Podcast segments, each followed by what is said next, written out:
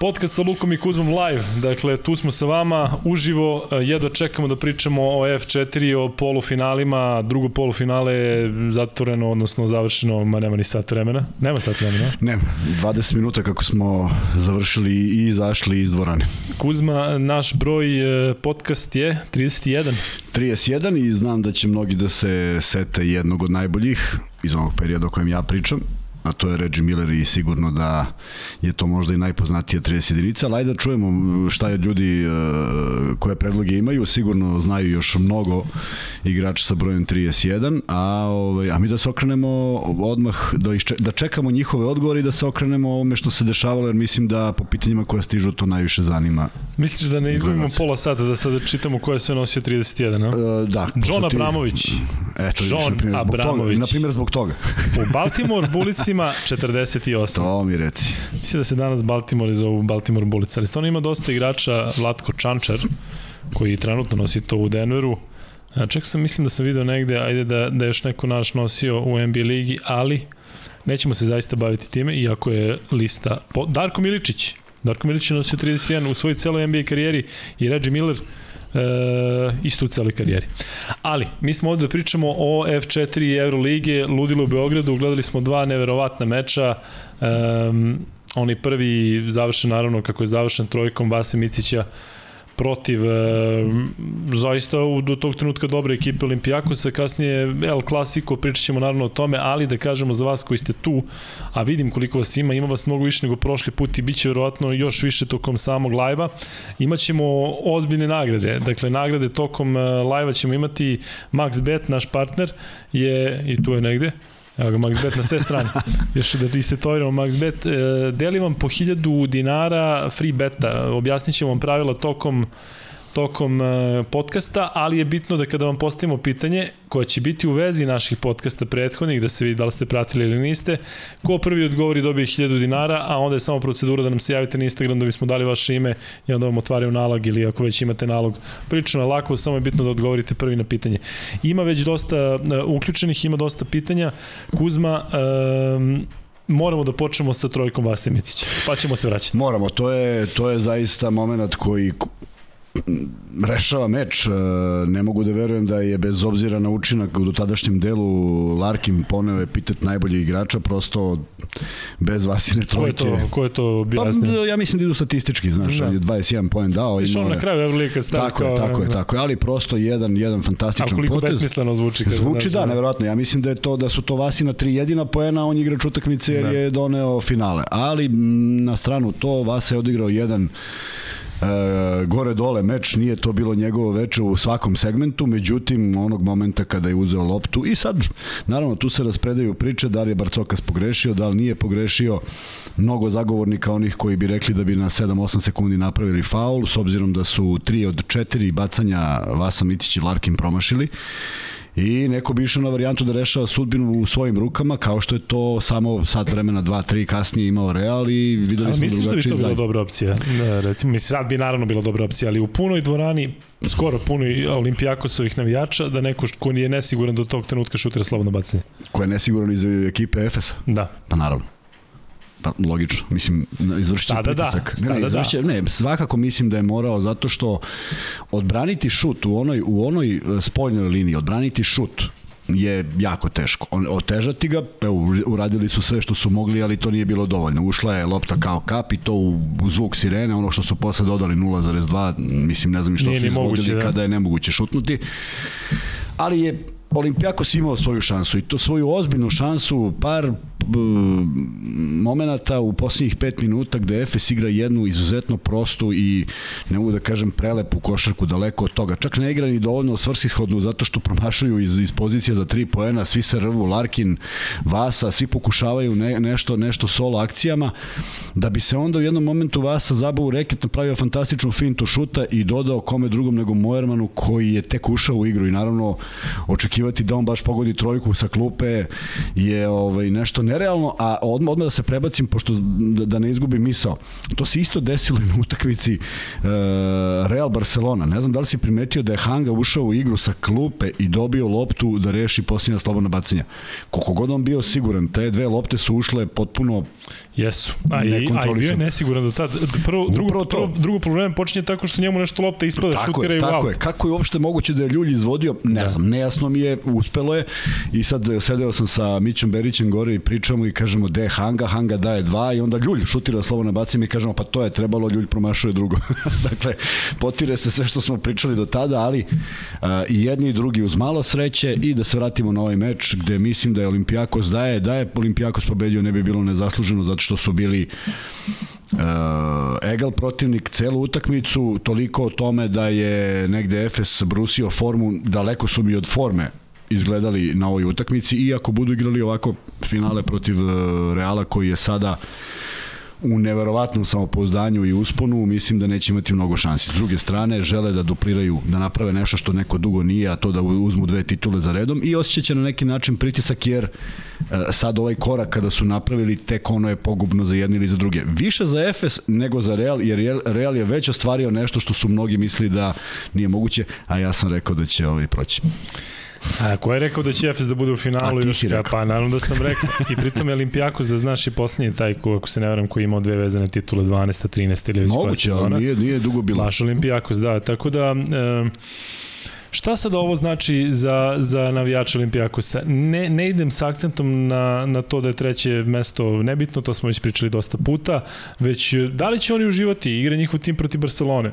Neće. Da, Misliš da neće doći ne, u dvoranu ljudi koji su dali 350-400 da. evra za. Moguće će biti neka prodaja karata, sad ne zaboravi da ima ovde puno ljudi koji žele da gledaju, pa će možda... I znaš šta će biti, doći će iz Madrida, Tako je, pa će, pa će onda da se prodati. tapka. Mislim, sasvim bi mi bilo logično da. da se to desi. Ali bi bilo najgore da za finale ne bude puna dvorana, Tako što je, je moguće. E, ali to, se, to, to, su, e, to su zato što su paradoksi neki, znaš, ti kupuješ karte za sve. Mislim, ne. nema nešto malo mnogo logike, ali nisam tu da, nisam kompetentan da li bi moglo da bude drugačije, sad da razmišljam o tome ne ulazim ono što je bilo divno na toj utakmici što smo po prvi put imali jednu takvu utakmicu sa 80% popunjenosti navijača jednog kluba. To je zaista bilo neverovatno. I sada e, Mića, Ilije i ja radili smo sve te studije zajedno i sad zamisli kada onu prvu utakmicu imaš osjećaj da, da, da te nosi taj huk sa tribina, mi nismo čuli da postoji komentator koji broji poene. Znaš, kada postinu koš pa kažu ovaj dao tri da bi sledeća utakmica podjednako kvalitetna, podjednako dinamična, podjednako uzbudljiva bila... Čak možda i zanimljivije na papiru. Real upravo, Barcelona, upravo, kad kažeš evo da hoćeš da sediš kod kuće da, da gledaš... To je zanimljivo u startu. Mislim, pa da. E. Nije, nije, mislim da nisu možda slučajno stavili da to bude u 21 sat. Ne znam da su se vodili nekom... nekom... Ne znam kako je išlo, zaista. Ali da, ti da, Real je... Barcelona, El Clasico, Real, Barcelona prva, Real se diže, Tako. naš Olimpijakos... Ma uvek to predstavlja derbi da. i interesantno, ne znam koliko navijači, to jest navijači, naši gledalci koliko znaju, 5-1 je za Barcelonu, sezone, da. s tim što je, je taj jedan super kup koji je možda i najmanje važan u celoj sezoni osvojio upravo Real i evo sad taj revanš.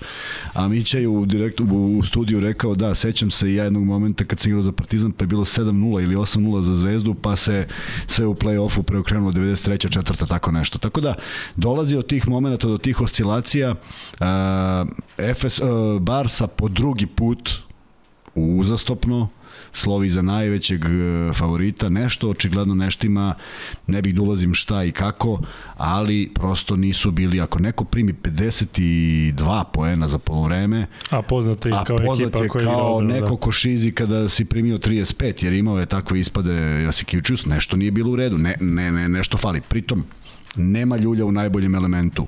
Nema Fernandeza faktički u drugom polovremenu. Tu su Kozer, tu je Poje, tu je Abusele. Dakle, nije to sad bila neka neka plejada igrača, njih sedam koji da, ne mogu da se brane. Koje, tako je. Znaš da Međutim, da apsolutno su ih zatvorili Mirotić koji je do tog momenta bio majestralan, potpuno zatvoren, uzima jedan šut za tri poena u celoj četvrtini, gube velikom razlikom tu treću četvrtinu i već se vidi šta može da se desi. Opet, naravno, i Barcelona posjeduje taj kvalitet da su jako brzo stigli u taj neki egal, ali odjednom timeout Pablo Lase, pet razlike, onda posle uzme Jasikevičius, pa 4-0 napravi uh, Barcelona. Međutim, eto, negde, negde i faktor sreće mora da presudi, možda su bili srećni i Efes, bez obzira na jedan fantastičan potez Vase Micića, I, i, I da, da, vrlo bitna stvar, koliko ko, ja, ja gledam te detalje i kada mi nešto skrene pažnju, uh, svi koji su malo pažljivije gledali, videli su moment kako sad sam mi stao mozak, kako se zove bek koji se baš nije proslavio iz Olimpijakosa? Nije Slukas. Ne, ne, ne, ne Slukas. Nije Dorsi. Dorsi, Dorsi. Pa do, Dorsi. Jednu trojku lepo. Ne, ne, jeste, nego sećaš se momenta kada Dorsi kreće i vidi uh, Martina u reketu, međutim kako uzima da mu baci loptu, neko se pojavljuje i on baca prejak pas Kisiku koji mu stoji na paraleli i ta lopta odlazi. To je prva ili druga lopta na tri ili na jedan razlike uh, da, da, da uđu u igru, da preokrenu, jer Olimpijakos nijednog trenutka nije uspeo samo da, da zavrne i da preokrene, da se malo odvoji jednim košem, ušla bi nervoza u ekipu Efesa koja nije bila na svom nivou. A oni su nas navikli da to rade. Olimpijakos je taj koji kao outsider te e, stigne pa ti unese nervozu tako pa je, krene tako frka. Je, tako to rade godinama unazad kao franšiza. I nisu, nisu prepolovili, nisu, nisu prelomili, ne prepolovili, nisu prelomili. Ostali su nedorečeni u, tu, u tom momentu. Bilo je velikih, velikih uh, propusta u, u, u samoj, u samoj i mislim da, da, da kanaliziraju i vidjet će šta se izdešavalo, ali uh, uživali smo u košarci jer dve ovakve utakmice na istom Final Fouru se ne dešavaju često. Uh, pokušali smo u studiju da se setimo kada je to poslednji put viđeno, pa možda možeš setiš jedne, ali dve, dve u istom danu, jako teško na jednu loptu, jako kvalitetne sa uh, igračima koji su obeležili ovu sezonu, ali vidiš kako nekada neke stvari ne mogu da funkcionišu baš onim utakmicama koje su ključne. Mnogi su podbacili, mnogi su odigrali uh, iznad očekivanog, prema tome ono što mi je što mi je upalo u oko i o čemu sam pričao u prethodnim danima kada sam davao različite intervjue jeste ta mobilizacija svih snaga u Realu i evo pokazali su koliko mogu da se podrede kolektivu i da je samo jedna jedina ideja, a to je da budu prvi i da, da, da, da, da podrede sve što mogu, da daju posljednji atom snage i zaista su tako izgledali. E, pitanje gledalaca kreću jako brzo. U prevodu možete već da krenete da ih postavljate, pa ćemo da, da krećemo da pričamo, odnosno da odgovaramo na vaša pitanja čim ih dobijemo, tako da možete slobodno to da uradite. Kuzma, ti mi za početak reci, da li te možda iznenadilo to što je vezano i za jednu i za drugu utakmicu, što su obe odigrane na veliki broj poena? Ipak ne, ne, ne jedna utakmica koja je, reš, koja je najbitnija u sezoni, očekuješ ipak neke jače odbrane, da. onako igralo se za koš više i stvarno fantastična košarka.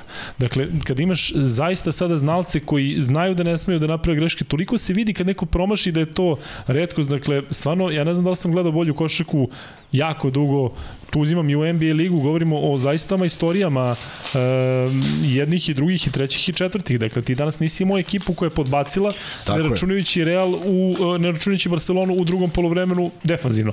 Ali govorimo o ekipama koje su zaista briljirale. E, potpuno si u pravu. Gledali smo dobru košarku. Ako izumemo 5 minuta onog bezidejnosti pre svega uh, Efesa, zato što su vjerojatno igrači malo umorili i istrošili pa su hteli na nešto sigurnije i ispostavilo se da to nije baš bila pretredno sigurna igra, ali upalo nam je u oko dok smo radili studio jedna neverovatnoća u, u, u, u statistici sa utakmice Barcelona-Real. I sad ne znam koliko su imali ljudi prilike da gledaju, ali ja ću da, da, je, da je pročitam. Šut Barcelone je 43-22 za 2. 22-43. Dobro. Šut Reala je 22 44. Dobro. Šut za 3 poena Barcelone, 8 od 20. Šut Reala za 3 je 8 od 21. Slobodna bacanja 15 od 21 uh, Barcelona, 18 od 22 Real. 34 skoka Barcelona, 35 Real. 22 falo napravila Barcelona, 23 primila. Četiri izgubljene, četiri ukradene lopte Barcelona, devet izgubljenih. Četiri ukradene lopte, Real, devet izgubljenih. Sad već počinjem da mislim da nije greška. Da izmišljaš, da izmišljam. E, i 20 14 u asistencijama. To je jedina prevaga Barcelone koja ima šest asistencija više. Ovo je sve skoro u, u, u broj. Potpuno megalo, da. Da, i to je ta... I onda kad više asistencije rekao bi da je Barcelona možda... Možda pobedila, a vidiš kako to izgleda. E, e, tako da gledali smo, i sad tu nema tu ko je podbacio podbacila, odlučivala je jedna lopta, neka neka loša odluka, bilo ih je, bilo ih je, ali e, mislim da smo tu završnicu gledali neke majstorske minijature, jako težak šut koji su uzeli igrači Barcelone za iznenačenje, bilo je tu ozbiljnih ideja kako kako završiti posljednji napad. E, veća energija igrača Reala, tri u, u, skoka u posljednjih par minuta su donale to, tu prevagu i na kraju, eto, posle petka gledat ćemo jedno fantastično finale koje ne verujem da će ispuniti sva očekivanja. Uh, Uroš Milenković, koji je prvi poslao komentar kada smo se uključili u live, kaže da bi volao da pozdravimo železničar iz Kusatka. Jesi Hoćemo? čuo to? Ne. Uh, ja moram priznati da nisam e, čuo. Izvini, Uroše, pozdravljamo ako sam negde promenio, po, pogrešio ti reci, železničar iz Kusatka, kaže da bi mu to mnogo značilo i evo naravno zašto ne bismo pomenuli. E sada je vreme da, da krenemo sa pitanjima. Ovde pitaju mene, Luka, da li si ti bio Da li si ti bio spiker na onom turniru za mlade Eurolige? Jesam i bit ću i ovo je ta majica. Znači, svi smo u znakoj Euroligi. Kuzma vadi papire, evo ga ovde. Da, svi imamo nešto. Ove, ovaj, da, i bit ću i sutra i bit ću za finale i mogu samo, ajde, možda ćemo jedan deo emisije kratak da posjetimo tome, ali ima zaista dobrih klinaca. Mega ima fantastičnu ekipu, ja ne znam, e, kažem ti, gde pre da gledaš Zvezda ima dobru ekipu, Zvezda je gubila dva meča, ovi momci, afroamerikanci, što bi rekli, a nisu afroamerikanci, ali momci koji su crnci, koji igraju za Asfalt, koji igraju za Pariz, su nestvani, koji igraju za Stella Zura, Real ima fantastičan tim. Sad ja gledam to, ipak, ipak sam tamo, gledam svaku utakmicu, svaki napad, gledam i onda sam možda malo pod utiskom, ali mislim da ćemo imati ozbiljan broj i evroligaških igrača i NBA igrača iz onoga što je e, koncentrisano u Ranku Žerovice hali i da vas e, pozovem da ili dođete u halu u petak, kada je poslednji dan, petak, tako, petak je poslednji dan pa, kada se igra po grupama, četiri utakmice i u subotu je finale, Ako eventualno ne možete da dođete u halu ili niste iz Beograda, naravno pratite to na kanalima Sport kluba, bilo bi zanimljivije da Zvezda je konkurentna, ali imamo taj tim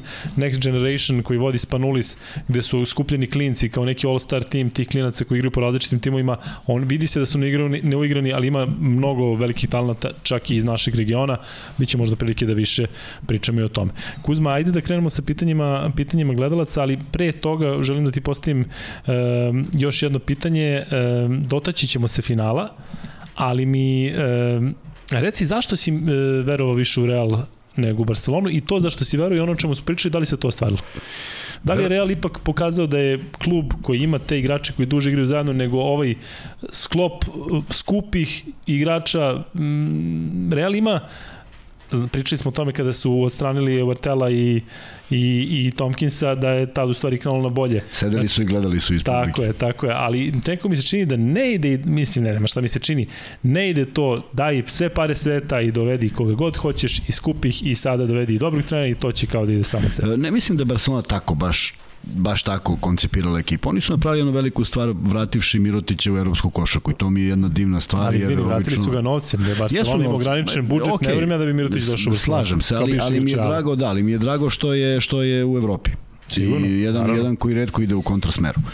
Uh, mislim da je, da je, da je povratak Jasekvičiusa u Barcelonu kod njega proizveo tu želju da to mora odmah. I on je sklopio prošle godine potpuno respektabilan tim koji vrlo liči na ovaj uz neke kozmetičke promene. Međutim, nije uspeo. A, s druge strane, pitaš me šta je to. To je nešto što, što, što da, li, da li kad gledam Lasa kad vodi ekipu, da li ta energija na način na koji vidi, da li taj pristup, da li taj neki njegov osmeh koji uvek postoji kada se gubi i kada se dobija, da li ta neka posvećenost kolektivu, da li ta neka priča kada se Kuzmić povredi pa oni dođu u Beograd i onda ga pozdrave kao da je deo porodice i dalje i negde sa osjećaju sa svim tim. Dakle, postoji nešto izvan samog novca, jedan osjećaj pripadnosti koji oni gaje i u suštini pričali smo u danas u okviru studija koliko je Olimpijako strpeo čuvajući uh, Spanulisa u poslednjih nekoliko godina, timski. Dakle, jednostavno on je želeo još da igra, apsolutno ikona Evrolige, ali to je kočilo tim, jer oni su sad prvi put, od kad njega nema, faktički uh, iskoračili korak dalje.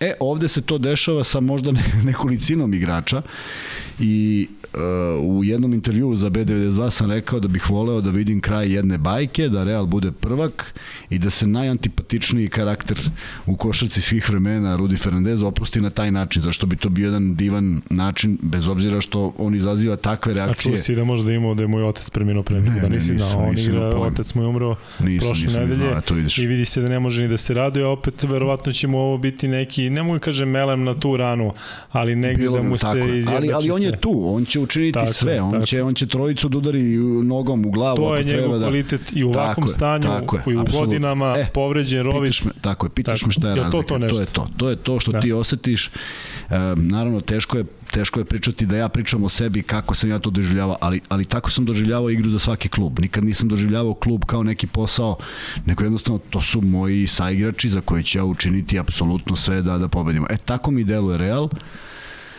I mislim da, da imaju da imaju da igrači imaju malo drugačiji odnos sa svojim trenerom. Mislim da je Jasikivicius odličan trener, voli pravila, voli striktno pridržavanje pravila na 35 poena ako je on zacesto 33, tu je ozbiljna uh, galama i negde to malo može da da, da stvori neku atmosferu, kažem, ja ovo sad pretpostavljam. Ali kontraproduktivna ta histerija koju on non stop pravi, kao ipak još uvek mlad trener. On ima iskustvo iz Žalgirisa i sad je došao u Barcelonu.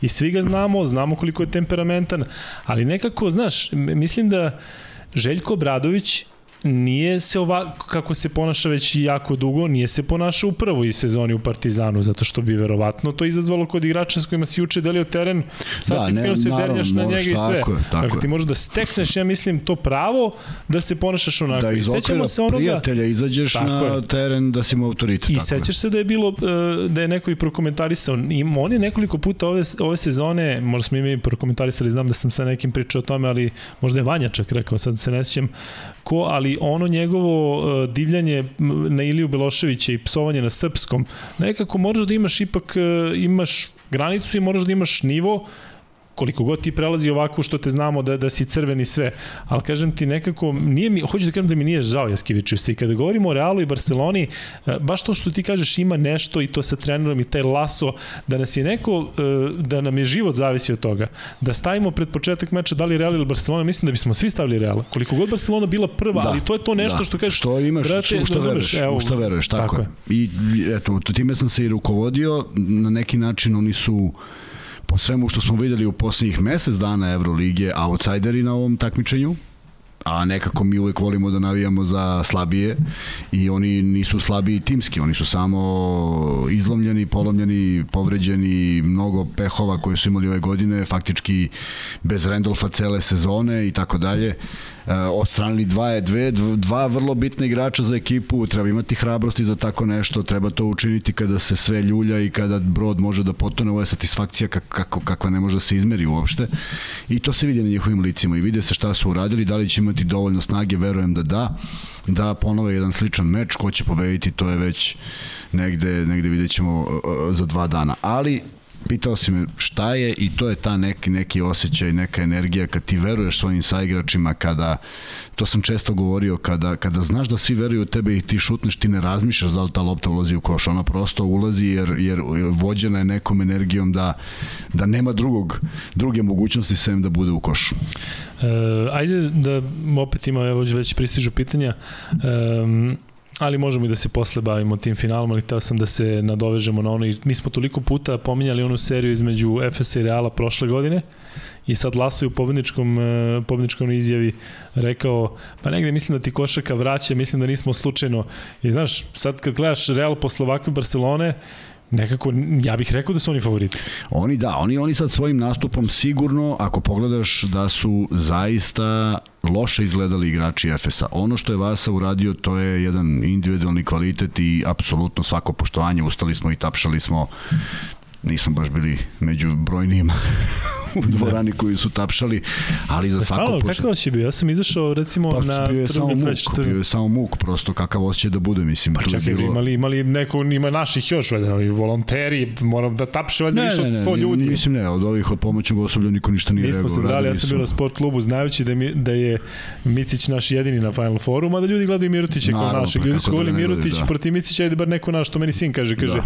volao bi da igram Micić protiv Mirotića pa da neko naš pobedi. Ja mu kažem tako sine, nemam šta da pričam. Sad mu objašnjam, on je španac, a u stvari crnogoraca, da, u potpuno smo pravu, ali mi smo na sport klubu baš, baš ovaj, se radovali, ali ipak je Micić, ipak je ovo što kaže, greši Shane Larkin kada je rekao kao u njegovom rodnom gradu, nije baš tako, ali ovaj, e, e, jel ti je jel očekuješ sada dolazak Turaka, jel očekuješ e, da, da, više naših? Da, mislim da će da biti, da bude... mislim da će biti, mislim da će ovaj karta Olimpijakosa da će gro njih podeliti nekim ljubiteljima košarke ovde koji mogu da uživaju u tome, možda možda će i želeti da pogledaju, ali svakako bi bilo lepo da dvorana bude puna i jeste malo besmisleno što je ovoga puta ispala ekipa o, o Olimpijakosa koja bi donela tu draž i tu snagu u finalu, a onda smo se malo šalili i zamislili da je Monako prošao Olimpijakos i onda bi ovaj, bila još jedna grupa od 15 ljudi kao što je, I to je pola Monaka. I to je pola da. Monaka kao što je bilo 40. Ja mislim da je 50 navijača Reala.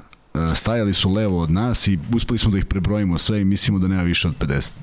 E, da vam kažem još jednom da ćemo imati nagradnu igru za sve vas, Max Bet, ko voli da se kladi. Pa možda kreneš, koliko, koliko, možda kreneš nekim pitanjem. Nećemo još, nećemo Neće, još zato što dobro. ajde da se nakupi još ljudi, evo sada u, u ovom trenutku prelazimo 100 onih koji gledaju u ovom momentu, a mislim da će biti mnogo više, pa ako neko kasni ljudi dobro, ipak idu dobro, iz, iz arene ili već kako, ali hajde da krenemo sa pitanjima koje ste vi postavili. Dakle, ajde neko pitanje koje, ajde da kažem tako opšte, e, i možda nije u ovom trenutku pravo, ali šta to Željka Obradovića izdvaja u pripremi za F4?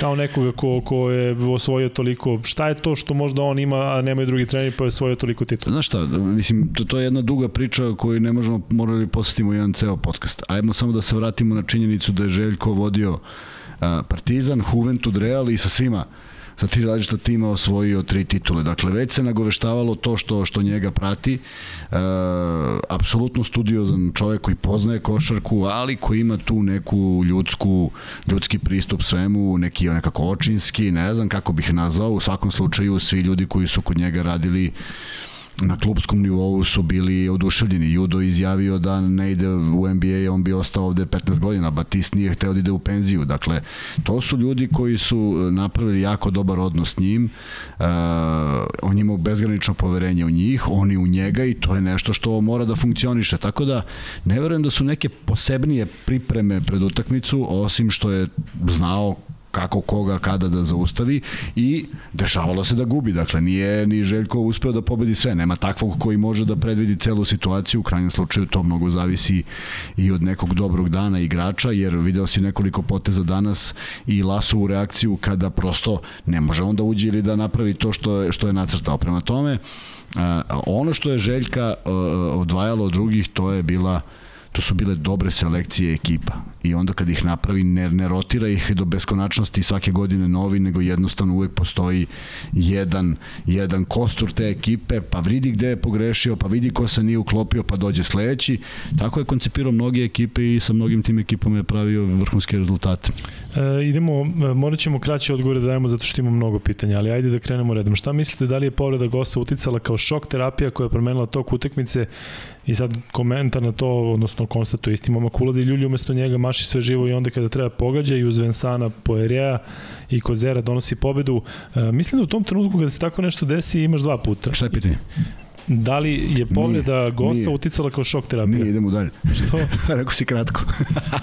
A nije, a? Mislim da nije. Šalim se, ne, ne, ne, nije, nije. Mislim Ali da bi... se slažeš da u tom trenutku imaš dva puta? Ili da te imaš, to pojede, imaš. ili da na to zaboraviš? I... Opet se vraćamo, da li je trebalo da se pravi faul ili ne, znaš, kad, kad vidiš epilog, vidiš sada da je, da je tri za Barcelonu, svi bi konstatovali da je ta povreda dovela do raspada igre, jer nisu izdržali do kraja. Dakle, desilo se to što se desilo, to je ovo što smo pričali malo čas.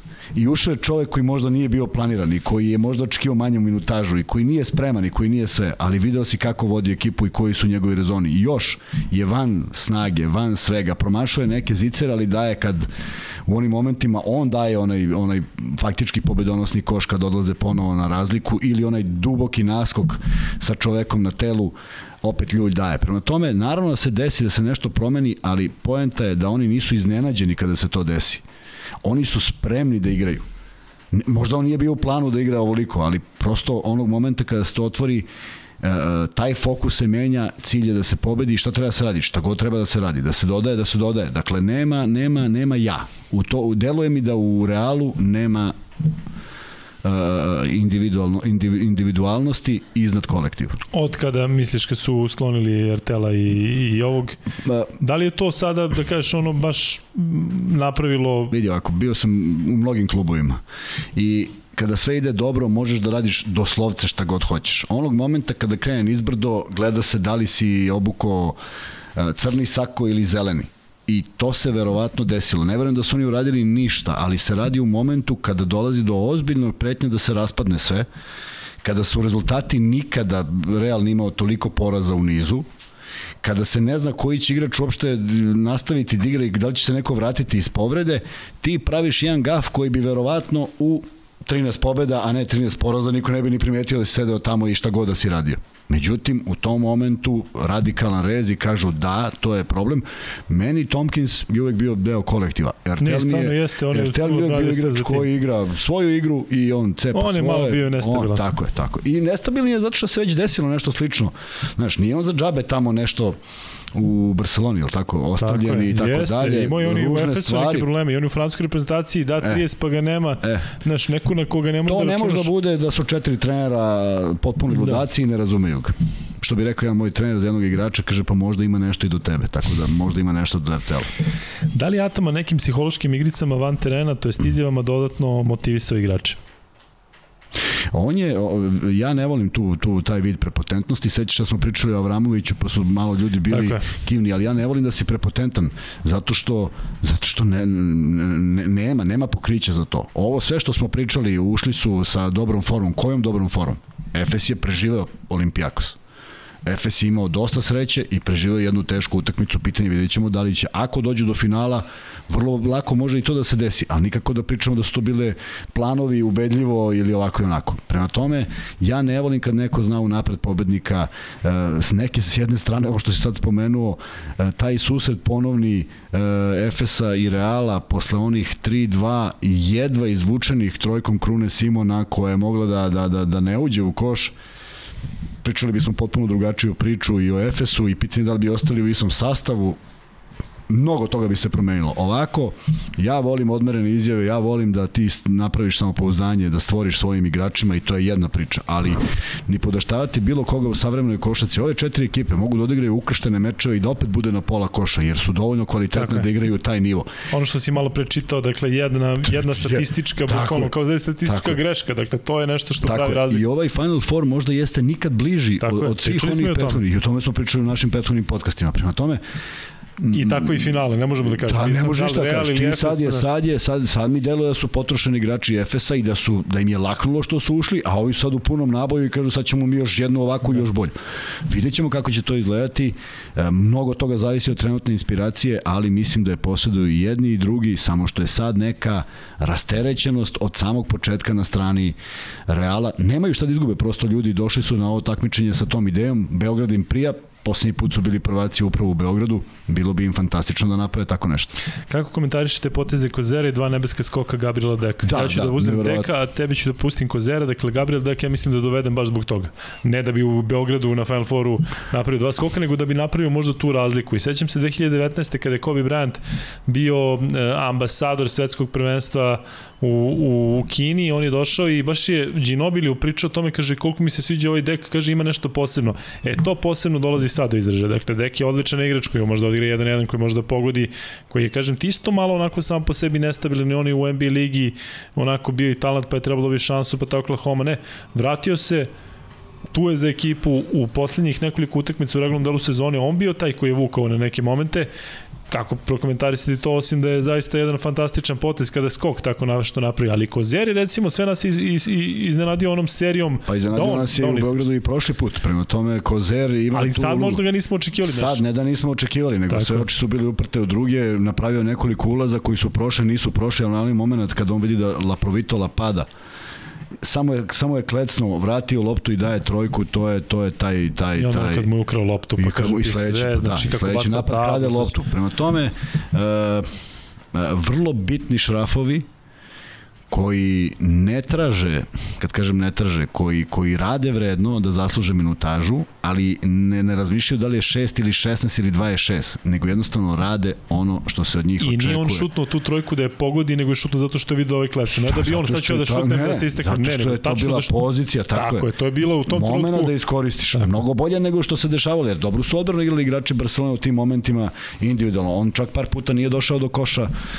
pored Laprovitole koji je dovoljno dosadan i brz da bi mu smetao i nisu to bili laki šutevi. Ovo je iskoristio, pogodio, faktički tu ima nekoliko heroja, da li, da li Dek sa svojim skokovima, da li Ljul sa svojim uh, odmerenim šutovima u pravim trenucima, da li one dve rampe Pojeja, pa to je bilo neverovatno šta je on stigao posle one greške u napadu kad je izgubio loptu, on je trčao kao lud preko celog terena, Laprovitora napravio Chris Cross izbacio, on je to stigao, ne znam, ne znam kojom brzinom je on stigao. Prema tome videlo se jedna nenormalna energija i ne zaboravi koliko je on, koliko je on bio bitan u igri Reala, Tavaresa uopšte nije bilo na, na terenu. Prema tome, to je ono što je procena trenera. To je ono što je procena trenera. Ti si sada osetio i ti moraš da imaš taj šlif da osetiš, a ne sad kažeš, evo igrao četiri, sad ovaj mora da izađe da bi ovaj igrao šest. Ona dva kucanja Porijeja, baš, si, kažem ti, ono, su majstalni potez jednog centra. Mogu sam zamislim bilo šta će uraditi na neki levi polu hologa, da će Sokrina se unese Davisu koji nije postojao. Davis ga ima na uspunosti da. koji gleda gore, da, znači da, da. Iz, iznad koša, kako kažem ti, fantastičan potez. Volimo kad vidimo centre da takve stvari rade, zato što to malo, ajde da kažemo, izgubljeno Tako je, tako, to što je uradio, to je bilo desno, pa levi okret, pa finta, pa povratno. I sve stajna noga čvrsta, tako nema je, nikakvih tako. šansi da bude dakle, sve školski usponu, kao Apsolutno, mentalno usponu, uh, fizički potrošeni, potrošeni jedni i drugi, zahtevne su ove utakmice, ali negde sada ipak, ipak imaju više iskustva igrači Real. Ima dosta izmešanih pitanja, ima jedno pitanje za ABA ligu, do, dotaći ćemo se, toga, da. dok, na kraju ćemo malo se pričati o tom, ipak je sada um, F4 naravno najbitnije. Zanima me vaše mišljenje, da li je Okoboitis predstavljen kao talentni igrač? Ja mislim da nije, mislim da je Jeskevičević kod njega osetio nešto, s jednim momkom koji je radi, ajde da ne, možda neće da ga pominjem tako imenom i prezimenom šta radi, ali sedeli smo na zvezdi uvek jedan pored drugog profesionalno i momak baš dobro zna košarku, radio kao trener i košarkaški radnik i vidi se da zna o čemu priča. On, onako, baš smo pričali o Kubajitisu i komentarisao sam ja tada u tom trenutku pred tri meseca kako Kubaitis nije možda igrač za završnici. On je možda sedam dana posle toga ono protiv Unixa dobio sam. Sećaš se ono utakmice protiv Unixa, tri produžetka, ne znam, ludila neka. Um, Tako da ja bih verovao Jeskevičisu, mi što smo rekli sada za Šarasa da možda nije dorastao ovome svemu što se dešava i da je možda malo ispao iz neke iz nekog ovaj, iz nekih šina, ipak mislim da treba verovati njemu. Nisam siguran da će Micić, da će Jukobitis biti novi Micić, jer je tako da ovaj Micić u Žalgiri neko kao za defanzivne zadatke pa da iz, dođe iz drugog plana, ali što se mene tiče Jukobitis je definitivno neko koji meni iznenadio pozitivno pre nekoliko sezona, pre dve sezone u Žalgiri su bio, da kažem, levo smetalo, sada je u Barceloni, ima neki svoj, neki svoj, neku svoju ulogu. I tvoje mišljenje u Kubitisu? Uh, da ti kažem, za te mlade igrače koji stasavaju, koji još sebe traže, koji nemaju sigurnost u igri, koji igraju malo gore dole, uh, jako je nezahvalno pričati za nekoga biće ovako ili biće onako. Mnogo je veliki to sklop. No, promeni se trener, promeni mu se pozicija ekipi i čovek nestane. Prema tome, to su neke nezahvalne stvari, ali mislim da on ide u dobrom pravcu. S druge strane, uh, uh, jako veliku ometanje fokusa igrača postoji u savremenoj košarci. Mi to nismo imali. Nismo imali jer nije bilo takvih medija. Ti sad imaš izvešta izjavu ovde, izjavu ovde. Dobio si nagradu za najboljeg e, mladog igrača, ovaj dobio za najboljeg. Sve to odlači pažnju od nekog fokusa i da, da pitaš staru školu trenera da li to treba da postoji, ne treba da postoji. Naravno, mi smo živjeli igrali u nekom drugačijem vremenu, sad je sve na da se vidi, da, da, da se čuje, da, ali prosto mislim da izjave trenera na polovremenu, izjave sa igračima koji treba da idu slačionicu da čuje nešto ili da se fokusira na nešto, sve to odlači pažnju uh, od nekih stvari koje smo, eto, Mića i ja prolazili zajedno i pričali o tome I kako bi ti rekao, nama nije, ne mu kažem nije moglo da se desi, ali prosto znali smo kojeg igrača možemo da pustimo na trojku, kojeg ne. Ako se sećaš momenta, kada La Pravitola baca Kalatesu, iz kog razloga, ja ne znam sad ko je bio u odbrani, odlazi na Kalates, da bi mu ovaj vratio loptu i Laprovitola iz Ćoška daje. Pa ja prosto ne mogu da objasnim da se ja ne bih odvojio od Laprovitole, taman Kalates još dve godine stajao sam tamo. Pa neka da on trojku nije ni jednom pokušao. Ovaj čovek da, za redom daje nekoliko. za taj njegov šut, zato što je vjerojatno bio jedan najboljih playmakera ikada. Pa, pa znam, pa apsolutno, ali ti moraš da rizikuješ nešto. Ne možeš da, i, i čovek je otišao da napadne Kalatesa i sad, sada mu postojiš pitanje zašto, ne verujem da ima odgovor. Tako da, moraju da budu fokusirani, ja kažem, sve ovo što se dešava, sve to jeste jedan lep show biznis, ali odlači pažnju od igrača na neke druge stvari i zato gledamo neke, neke neobjašnjive momente koji su kako bih rekao za mene jako čudni. Ali na stranu to nije to sad nešto što je tema. Vraćaju se sada, moram da idem pitanje po pitanje, zato što ako ajde, se budemo vraćali tamnoputi centar Mege je za klasu ispred svoje generacije. Pritom je on 2006. godište, dakle on je za dve godine mlađi od većine Basala Bagayoko, momak koji je iz Malija. Ja iskreno toliko sam oduševljen da sumnjam da je taj momak 2006. godište po mišićima, po svemu. E sada, e, pričao sam danas sa ljudima iz, iz, koji su blizu njega i rekli su mi da će se vratiti u Fuenlabradu, tako da sam se ja ponadao da bi možda mogao da ostane u našem prvenstvu, međutim on se vraća u Fuenlabradu, došao da odigra koliko razumem samo ovo, ovo, ovaj turnir i gledate, gledajte ga sutra protiv Makabija i u finalu kada u subotu bude igrala Mega. E, da li je sutra slobodan ulaz u, u, u Ranko Žarovice halu? Mislim da jeste, sigurno jeste sam da jeste. Ja da, da, da, tako da nema šta da se, da se popuni pa da, da nije. E, idemo dalje sa pitanjima, ali ajde prvo ovaj komentar. Real ima upravo ono što Kuzma priča, igrače zadatka koji rade neke stvari koje se ne vide toliko na prvu loptu, Hanga, Dek jedu parket od energije, je tako, to smo sve ispričali. E, sada, e, Da li se slažete obojica, ovo je malo okrenuto Zvezdi, ajde kratko ćemo. Da li Zvezda sa 2-3 pojačanja, recimo Beron, Bobi, Bjelica, realno može da napadne play-off i da li mislite da je ključ Partizanu na nekonstantne forme pogrešan izbor playmakera? Kratko o Zvezdi i Partizanu, pričali smo o tome da dovedu nove igrače. Baš F4 za F4 mnogo treba veliki pogoditi tako je, treba pogoditi, treba to da budu pravi momci, treba treba daju da, da, da budu na parketu da im se prepozna njihova uloga, da im se da dobro mesto, da nije to tako lako u jednom sistemu koji ja stalno ponavljam i znam da, da nerviram mnogo ljudi, ali to je tako, više ekipa ispada nego što ulazi u play-off, dakle mnogo više ekipa u istom ili sličnom problemu da bi ti mogao da tek tako sastaviš, da je to toliko lako pa bilo bi bilo bi i drugima lakše. U krajnjem slučaju, ove godine gledamo najneizvesniji uh, playoff jer je skraćen, najneizvesnije prvenstvo. Ja mislim da Zvezda kad napravi ovakvu koncepciju, kada pogodi pojačanje, ne mislim da je Hollins promašeno pojačanje, ne mislim da je White uopšte promašen, uopšte ne mislim da, da Walters nije neko ko, ko ne vodi ekipu dobro, ali I mali, prosto, tako? Da, ali prosto nedostaje još to nešto što nisi mogao da primetiš u prvom trenutku. Tako. Da li je to nadoknadivo? Pa i to su financije. Da li je slobodan igrač na toj poziciji taj koji odgovara?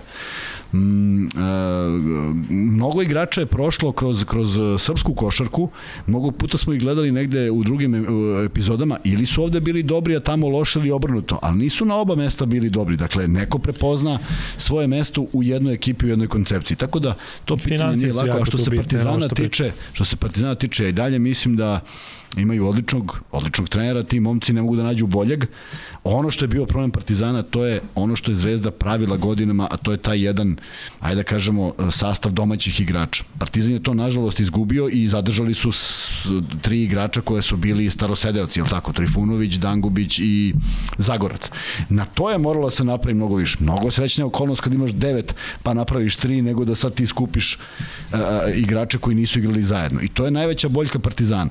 S tim što sam bio ubeđen da su to igrači koji imaju kapacitet To je veliko pitanje, to ne može niko da zna pre nego što dođu da rade, to ne može da zna ni Željko Obradović. I želeo je da kroz sve ono što im govori, da oni ne za 5 dana, ali za 55 dana ukapiraju taj deo ja vidim njegove reakcije i meni je negde zaista žao što se on toliko, toliko nervira u smislu verujem da je milion puta rekao jednu stvar koja se desi na kraju sezone. To nije dobro. To nije dobro. Ne da li Partizan pobeđuje i da li, nego te greške Jer ne može da bude greška ako nema dobar procenat šuta. Reći ćemo idi malo vežba i šut. Ali ako ponavlja istu grešku i ide na mesto gde playmaker ne sme da ode ili centar uh, baca na pamet loptu, to su stvari koje izluđuju trenere i uh, ne mogu da kažem da sad mogu da očekujem da će to da se desi kad nije celu sezonu, ali neka, je, neka im je sva sreća, treba će im.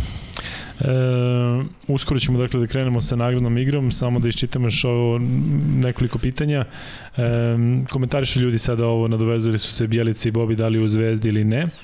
Dobro, ali e, komentar na majstorice večitih ko ulazi spremni, da li mislite da će Partizan, da se Partizan sada na neki način plaši opet te jedne utakmice? Rekli smo da nećemo toliko da se bavimo time danas, ali ćemo na kraju malo da prokomentarišemo, ali hoću da kažem da sam na jednom događaju juče video Avramovića i Ale, Aleksu, Aleksu Avramovića i Stefana Lazarevića, dakle iz Zvezde i Partizana, momci su fantastični, zrače neverovatnom energijom i kada ih vidiš onako jedan od drugog, zaista pomisliš pa da li moguće da tu postoji da. neki problem možda, da. ili ne znam, Aleksa Avramović čini mi se da se oporavio od svega što se desilo i baš ga pitam, rekao, zeznamo se malo da li Euroliga ovo ono oprezan, ali kaže da ću se od sebe, podrazumeva se, dakle nije rekao ništa sa ja ovo. Ja ne mislim da on ne daje Tako, sve od sebe. I mislim da je onako baš je pozitivan, veseo, Tako sve, je. dakle kažem ti on, samo da ne pređe tu granicu da bude upravo to. On on on zaista daje sve, on on nekada daje više nego ja mislim da je Željko Bradović ne traži to od njega koliko bi on da. želeo da da. Znači negde mora da prevlada uh, razum da kaže ok, dosta, sad sad ne radiš više ovo jer nije potrebno, jednostavno moraš da da da kontroliš utakmicu. Apsolutno čovjek bezgranične energije. Ja ne, ja mislim da bi on mogao da igra za svoj tim koliko god vremena treba i davao bi zaista sve od sebe. Prema tome, e, šta, šta je bilo pitanje za... Da, da, pa sad su u većem strahu i Partizan i Zvezda. Vrlo prosto. E, imali su utakmice, ne mogu kažem dobijene, što da ne mogu, mogu da kažem dobijene i jedni i drugi Zvezda na srećnu okolnost. E, tu moram da se vratim, pošto ide pitanje za ono pravilo kad je bio faul, da li koš važi, pa su se svi smejali, pa je Nurkić nešto slao, pa se tu sad ceo svet smeje, pa su ljudi ljudi iz ABA i mnoge sudije zaštitile struku i vrlo je prosto, ako je faul bio napravljen, a ustanovljeno da je napravljen pre isteka vremena, nema mnogo filozofije. Moje pitanje je, kako je moguće da igrač tipa Dragić napravi faul? Ja to ne mogu da shvatim. Tri razlike Šta treba da uradi Luka Mitrović? Šta može da uradi s loptom? Apsolutno ništa. Ona je... Pa šta može da uradi? Možda da dvojku i šta? I šta se onda dešava?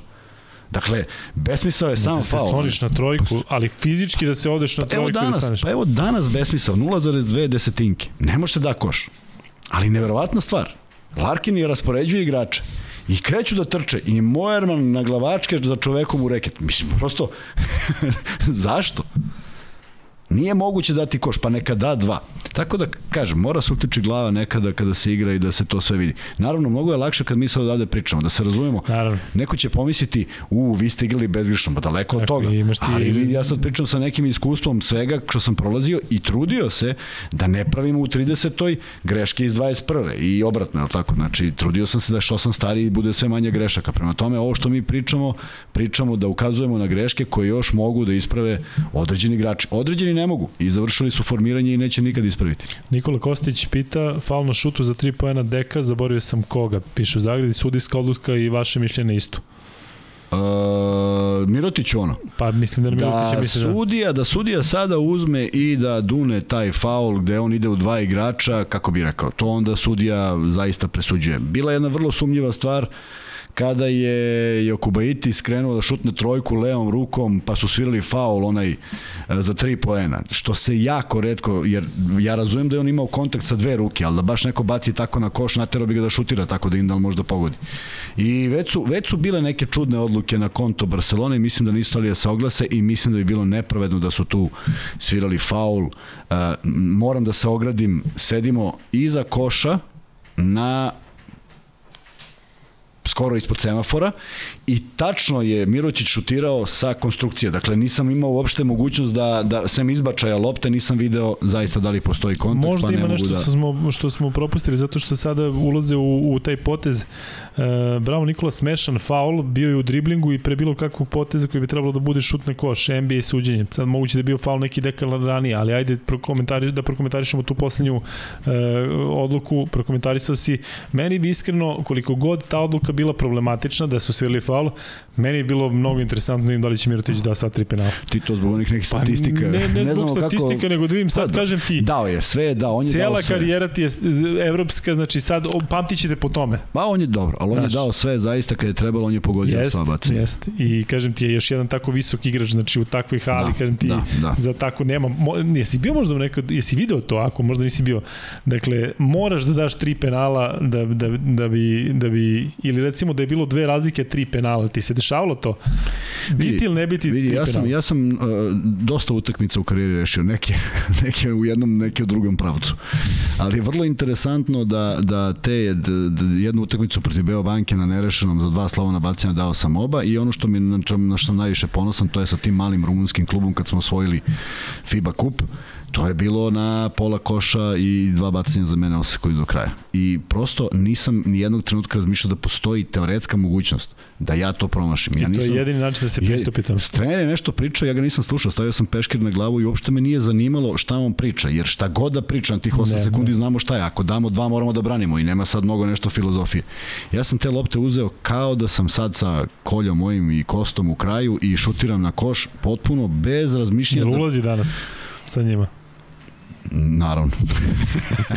Sutra imamo Media Day, igramo utakmicu, pa ćemo da imamo kako to ide. Organizovat ćemo ja jednom Kuzma neko šutiranje, pa ćemo onako da vas možda uključimo i tad live, ali idemo može, dalje. Može, e, kratak komentar za dva skromna učinka Olimpijakosih igrača, Vezenko 3 pojena, 2 od 10, jest, Dorsi jest. 4 od 11 iz igre. Jeste, to Vezenko su problemi. je, mislim da ga je malo pojela, pojelo ga Pojelo ga, uništilo ga je, pogodio je tu jednu trojku, ja mislim, koja je bila vrlo bitna. Dorsi on je pose... tokom dobrog dela sezone bio jedan od ključnih igrača. Tako je, ali dobro je čuvan. On sve što je šutno danas je bilo preko ruke, a ono kad je ostao sam promašio je to, kažem, sedeli smo iza koša, videli smo da promašuje objekat. Pitanje je bilo da li će, da li će uopšte da dodirne bilo šta. A Dorsi je posebno, ne mogu kažem razočarenje, iznenađenje, jer ipak je on dosta stabilan i pozicije šuteva koje uzimao nisu bile ni malo lake, ali su bile nešto što on radi. On je prosto promašivao iz pozicija koje su bile poprilično čiste, izgrađene, da bi onda dao neke neverovatne, onaj, onaj step back koji je dao, nema teže od toga, a pre, sekund pre toga promaši dva slavona bacanja.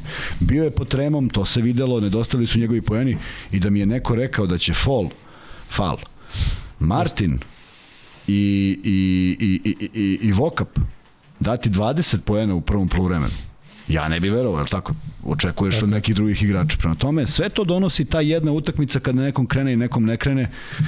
Negde budu heroji, negde ne budu, negde budu tragičari. Ovde imamo heroja Vasu i ovde imamo heroje celu ekipu Real.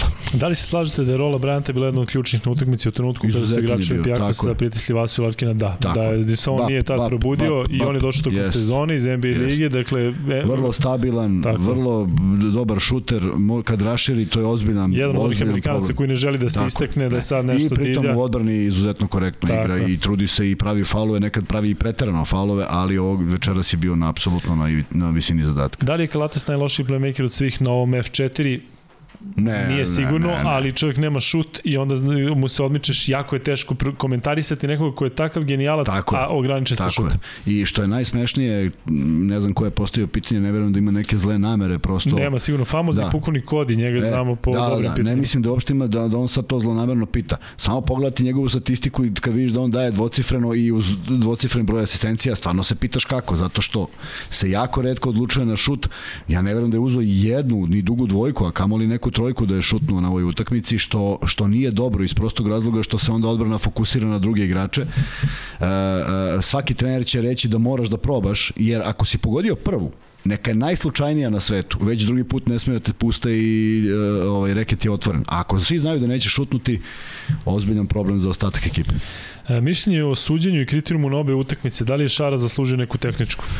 Ne, pustili su i Lasa i Šarasa zato što su obojica bili u svom elementu. Da je nekom, da su nekome dali tehničko, morali bi da vrate i to ne volim. E, prva utakmica fantastična, ne postoji sudijska odluka osim jedne koju smo i komentarisali u studiju da nije morala. Dakle, ako postoji samo jedna, to se zove fantastično suđenje pošto ne možemo da setimo neke odluke. To sad baš kažu za vaš komentatori su rekli da je suđenje bilo odlično. Jeste li par bitnih grešaka u korist Efesa, pogotovo ne postojeći faul na Larkinu minut i po pre kraja? Taj, taj je bitan, taj je bitan zato što e, toliko toliko dobro odbranu je Slukas odigrao, toliko se, toliko se potrošio, da to izbijanje lopte iza leđa na 1,1 sekund, mm, čisto sumnjam da bi skočio da. Ataman i rekao zašto nije faul. Tako je.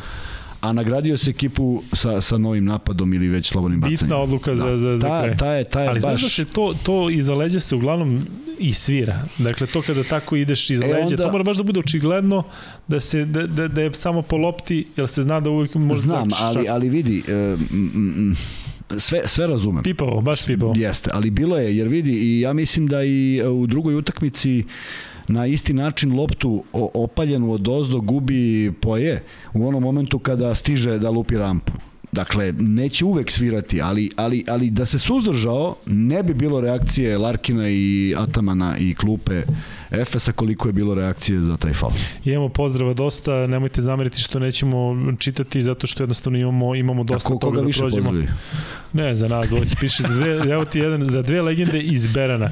Sad ne znam da li, mi, pazi, ovo, ovo je... Misli ja smo iz Berana ili Pozdrav iz Berana za dve legende. Sad ne znam da li misli, da, znaš, Matija, hvala ako misliš na nas, a pretpostavljam da misliš. A, ima mnogo ljudi iz Crne Gore koji prate ima, i to da. mi je baš drago. I što je sigurno i malo uvezano sa ovim našim tako što... Je, tako je, što radimo za sportski me i da spomenem momka Velibora Gašanovića, divan jedan čovek koji se zaista trudi da sve te vesti u obliči, da osmisli i mi mu rado pomažemo, pošto je ono, ono mi onako zabavno, pa uvek iskoristimo tih par minuta da tako posvetimo vratimo prijateljima sa portala.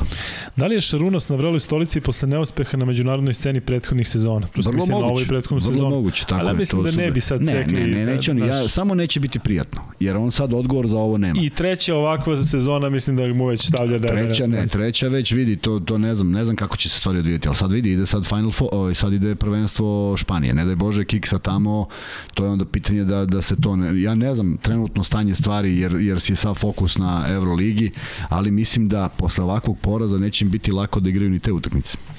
E, Luka i Kuzma, pitanje je da li ABA liga postala neozbiljna zato što nisu na vreme našli e, termin za utakmice Partizan budućnosti Crvena zvezda Cedevita Olimpija i pitanje za Kuzmu koji će sada biti novi raspored za ABA finale. Ne znam niko, pošto 23. i 24, 22. i 23. se igraju utakmice. Delo je jako neozbiljno. A, pa, o, to je ono što smo, mi pričamo, vreme, mi baš pričamo, o ovome da. da bi se do sada došli. Mi pričamo o ovome mesecima da će sigurno biti neke tako, drame. Tako je. Ili ako je Partizan bio u Evrokupu ili da je Zvezda recimo došla do F8 ili evo sad. Evo, sad, ali sad pitanje. Da. Uh, prvo, skratili su zato što su ispali ekipe iz Evrokupa bez ikakvog razmišljanja, samo kao aj sad da ubrzamo. A onda su shvatili da je potpuno besmisleno da Partizan, na primjer, igra u sredu, jer kako Zvezda da igra svoju utakmicu u momentu kada su odigrao Final Four? Pa potpuno je nenormalno. I onda jedni i drugi pomeraju sedam dana od utakmice koju su odigrali. I naravno to neko drugi mora da prihvati i onda nije ni čudo što ima reakcija da kažu čekajte pa ovo nije nešto u redu. Dakle, niko se nije pozabavio ozbiljno datumima, kad se šta dešava i kažeš prosto 21. do 19. do 22. ne može se igra ništa jer je sav fokus ovde, pa i ti igrači treba da gledaju ove utakmice. I ti igrači treba da uživaju u nečem što su, za, za što su se borili. O, crvene zvezde su se borili, a Partizanovi su želi da budu deo te porodice. Prema tome, valjda je bitno da gledaju te utakmice, a ne da igraju neku svoju utakmicu u tom momentu. Pritom, ko će to da gleda? Tako je. Dakle, sve je naopako i sad pitaju ljudi kad počinje, još jedan danas prijatelj prolazi i kaže 24. Ja kažem ne 24. nemoguće, znači sad će to se pomeri na 30.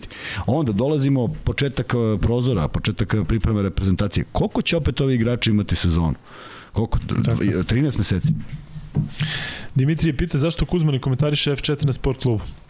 Ne znam, mislim... Ne, ne, pa mislim, dobro, Kuzma ništa... nije komentator klasičan, Kuzma je više konsultant, pa Tako. pa ga čujete onda najbolje da ga čujete i na, na kraju meča, mislim da... da... Radojević i, i, i, i, i Lilija Kovačić su ljudi koji da, su da. komentatori, koji su komentarisali sve utakmice ove godine.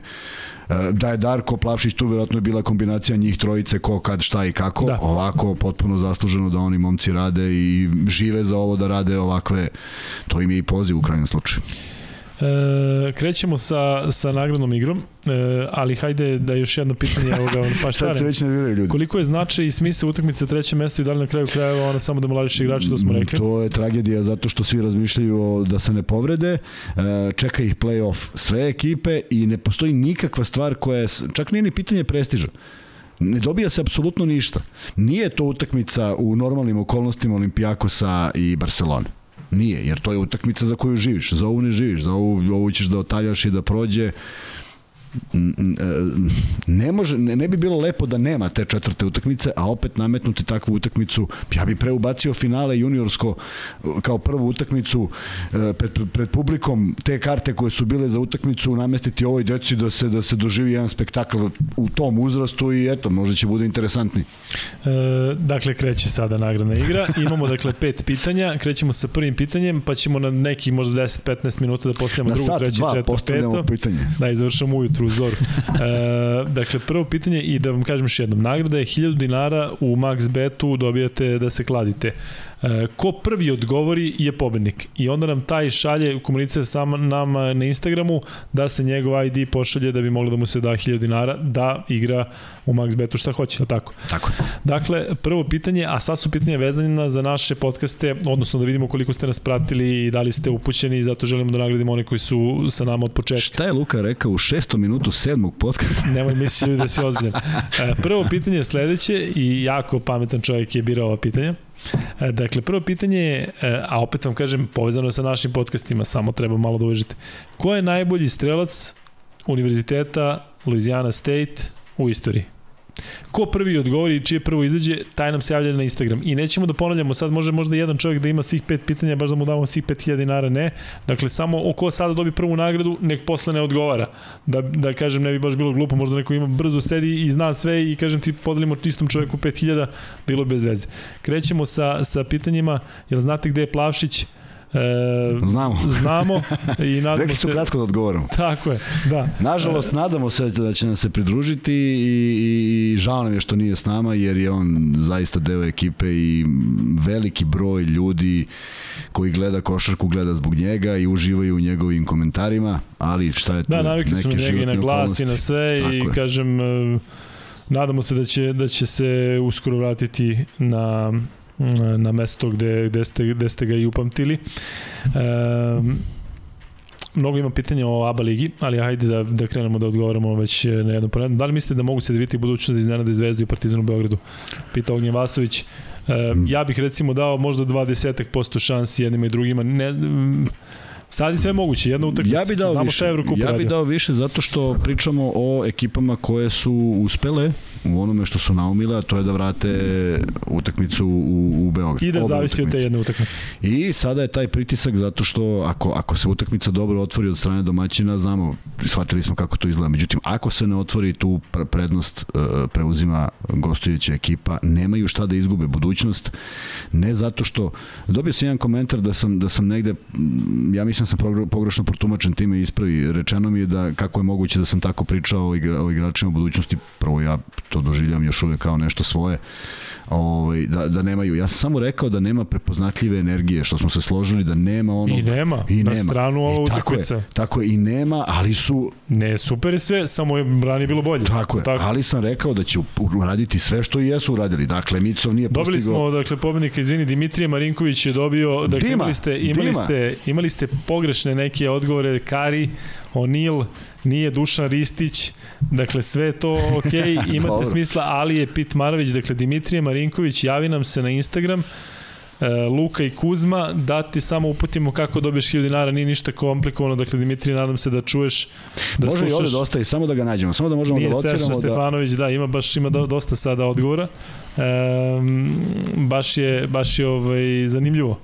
E, Jaka Blažić sledeće sezone u Zvezdi, koliko je to realno? Pričali smo o tome. Ulazi čovjek u određene godine, gledamo ga u drugom takmičenju, pogledajte nivo igara zvezdinih prvotimaca već godinama unazad, zaista dižu lestvicu u toj ABA ligi, ne kažem da su nepobedivi daleko od toga, ali to je jedan nivo iznad.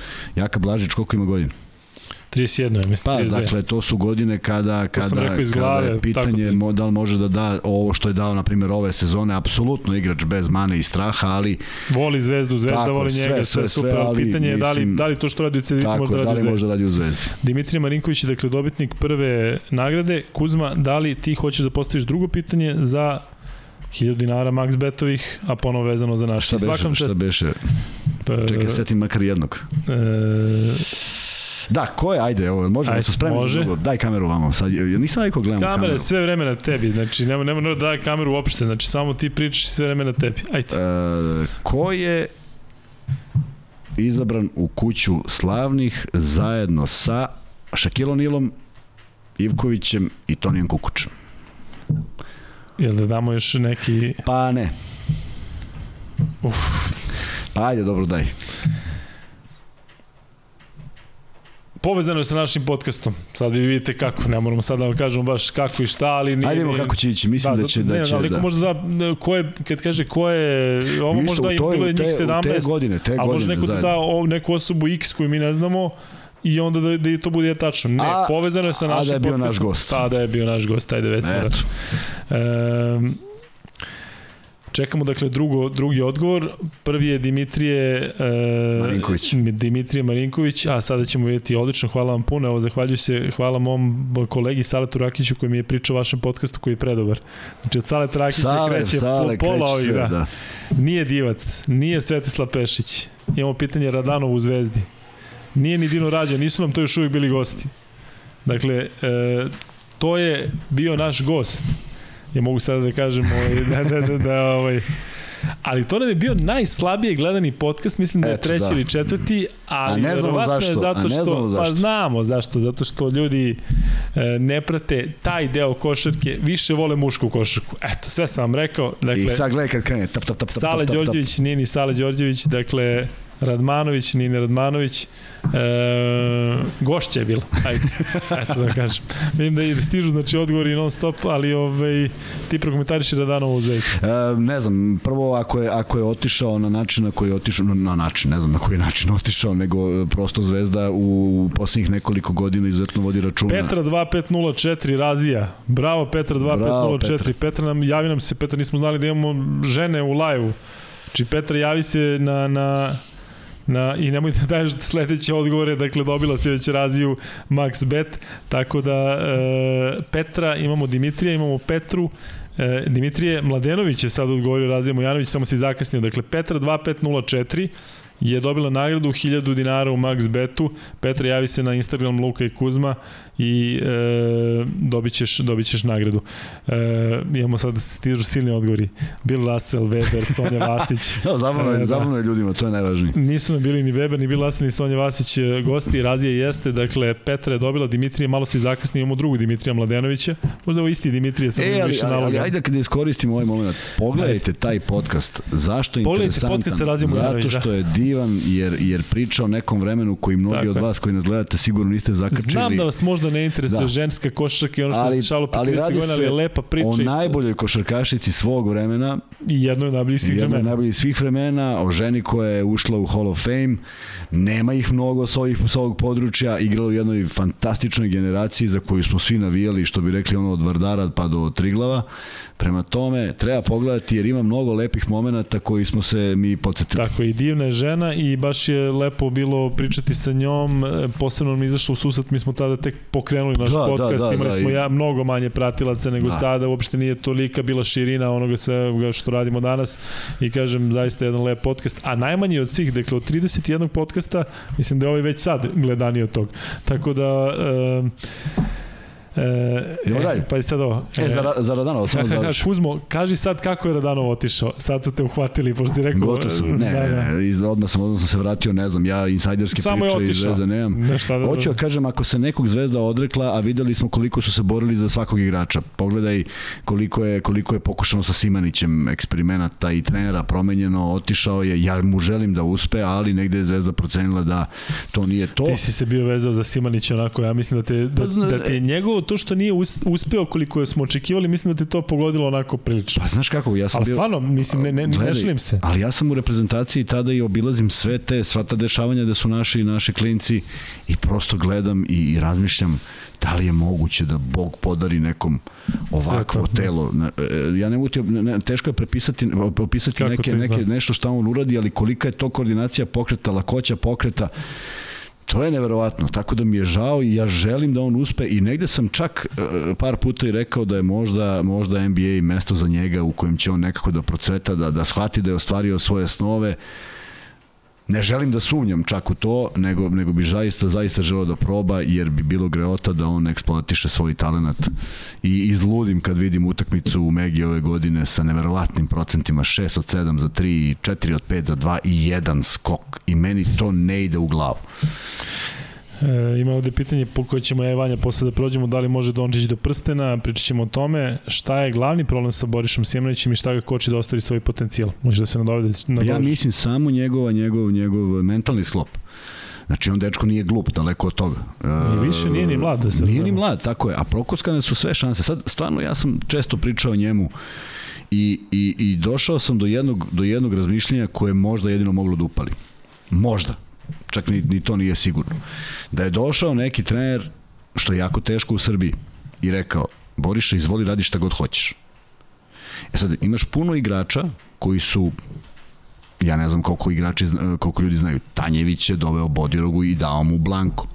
Ali je Bodiroga iz, ne iz, iz godine u godinu, nego iz utakmice u utakmicu taj to poverenje um, potvrđivao, dakle, opravdavao. Simanić igrao gore dole, dolazili su treneri, menjali su se treneri i svaki sledeći je najavljivao da je on taj projekat. Mi ne znamo šta je na treningu. I ne možemo da znamo šta je na treningu. Ali da toliki broj trenera promaši u proceni, jednostavno ono s početka priče možda ima nešto i u njemu. Pitanje za oba voditelja, voditelja, da li Dušan Ristić još uvijek ima ugovor sa Crvenom zvezdom? Kako da ima, što da ima? Ne znam, i meni zvuči, ja mislim da nema, možda mislim ima nešto ja da stvarno da, da, da je nešto što mi ne znamo. E, pitanje za Kuzmu, šta misli o Nikoli Ivanović i da li misli da će pokazati svoje pravo lice u F4? Kome? Nikola Ivanović. A, Niko... Ali nije mi jasan ovaj deo sa F4. Šta F4? Ako dođe do F4, A DF4? Ne znam. Možda je Nikola Ivanović, Nikola Ivanović je dečko koji je, koji je uh, po svim pričama od mojih prijatelja iz Podgorice divan, po, posvećen košarci, nemaju, nema, nema ništa što ga prati, a to je jako teško u Podgorici, nešto, neka priča iza. Uh, posvećen košarci, e, promenio je sistem, promenio je ulogu u ekipi, došao na zahtevniji teren, vidimo ga u nekim fantastičnim partijama, vidimo ga u nekim, dakle tu oscilira zato što Zvezda jeste drugačiji sistem i drugačiji su zahtevi i veliki izazov igrati u Zvezdi, to ljudi ne mogu da shvate, pomisle da je to baš podjednako, međutim očigledno nije i treba mu neki period da se prilagodi, imao je dobrih partija ove sezone, ali ja sam ubeđen da on može još bolje. A, hoćemo na sledeće pitanje. Naše pitanje. A, hoćemo, da. Ajde, e, ti si zaboravio? Nisam, nisam, sećam se.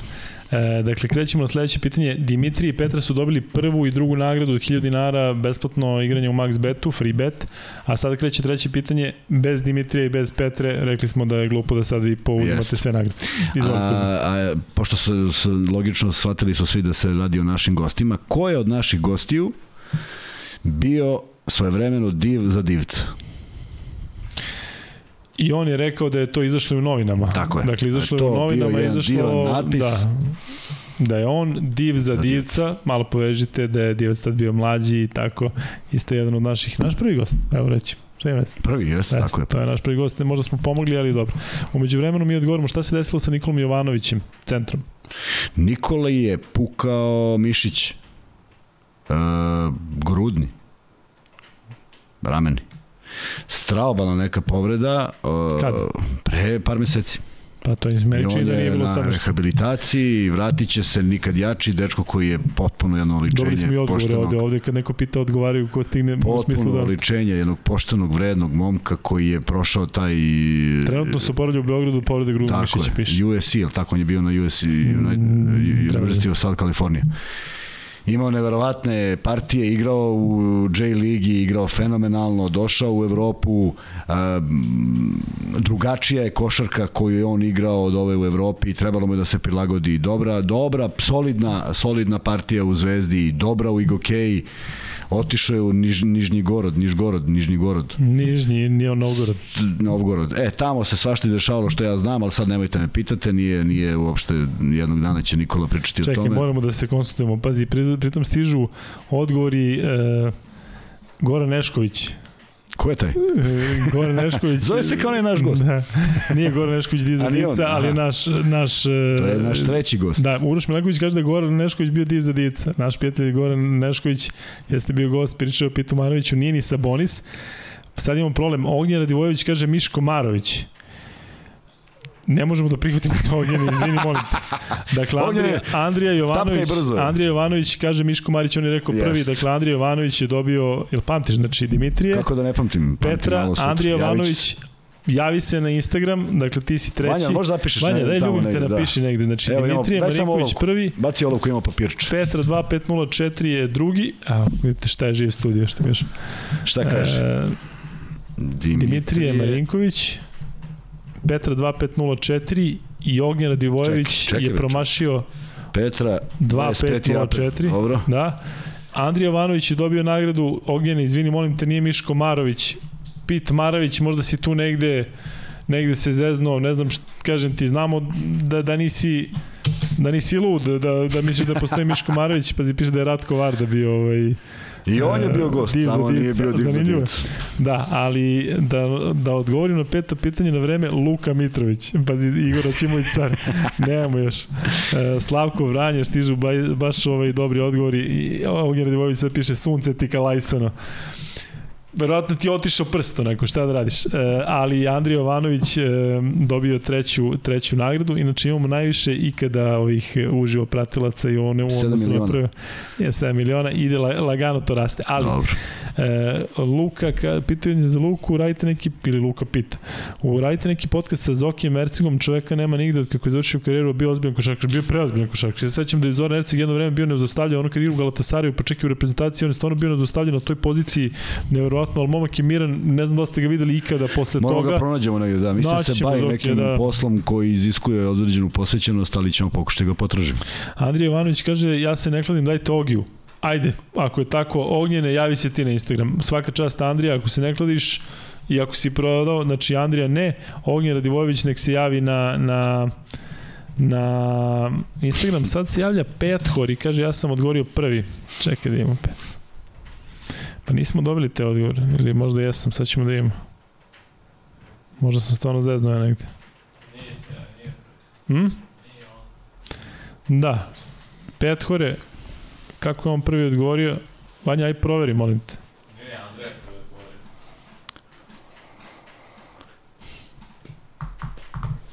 Pa ne izgleda stvarno da je Petko prvi odgovorio. Da, i meni pokazuje. Jeste, stvarno je Andrija prvi odgovorio, a Andrija je dao svoju nagradu. Petkore, vidiš da između tebe i Andrija ima Dragan Sremčević koji je odgovorio Predrag Savović. Tako da, onda mešam nas sa drugim podcastom. E, dakle, stvarno, stvarno je Andrija Jovanović prvi odgovorio. Znači, piše Pethore. Ali biće prilike još. Biće prilike još. Biće prilike koliko god hoćeš. Vuk kaže drobnjak, nije ni drobnjak. e, idemo dalje. E, Ima neko pitanje? Pitanje za mene, kako komentarišem da se Kotinu Dončiću e, pričat ćemo vanje, ali tako? E, pričat ćemo o svemu e, kad dođe vreme za, za NBA ligu. Evo, javlja se Petra Rudić. O, odlično. Petra Rudić se javlja, dobro. Jeste. E, Džilu podcast nakon ABA play-offa. Dobro, vidjet ćemo. Nakon ABA play-offa pokušat ćemo da, da dozovemo koga god možemo i sad se trudimo. I obavezno će nam biti šaljite, gost. šaljite nam uh, predloge. predloge da. Ponedjeljak će biti gost. Biće gost. Da, i 99% smo sigurni da će doći i mene mnogo raduje što hoće. Sačekat ćete da vidite ko je samo zato što zaista iskrsnu neke stvari, ne zato što ćemo budemo tajanstveni, nego da ne najavimo pa se razočarate kad vidite mene i Luku ponovo. Čekaj, Ognjen Radivojević kaže ja neću tiket, nego volim da se takmičim. Ognjen ne možeš da dobiješ tiket zato što je poklon, poklon se u zube ne gleda. Odigraj, znači šta god hoćeš, odigraj ne znam šta. Stavi sve nas na finale. Evo, Nikola Stanović kaže, momci, ajmo like da ove momke malo YouTube pro, progura. Neka, mi smo zadovoljni sa vama, koliko nas ima, raste to kako treba, dakle, ništa vi ne brinite, bit će to super.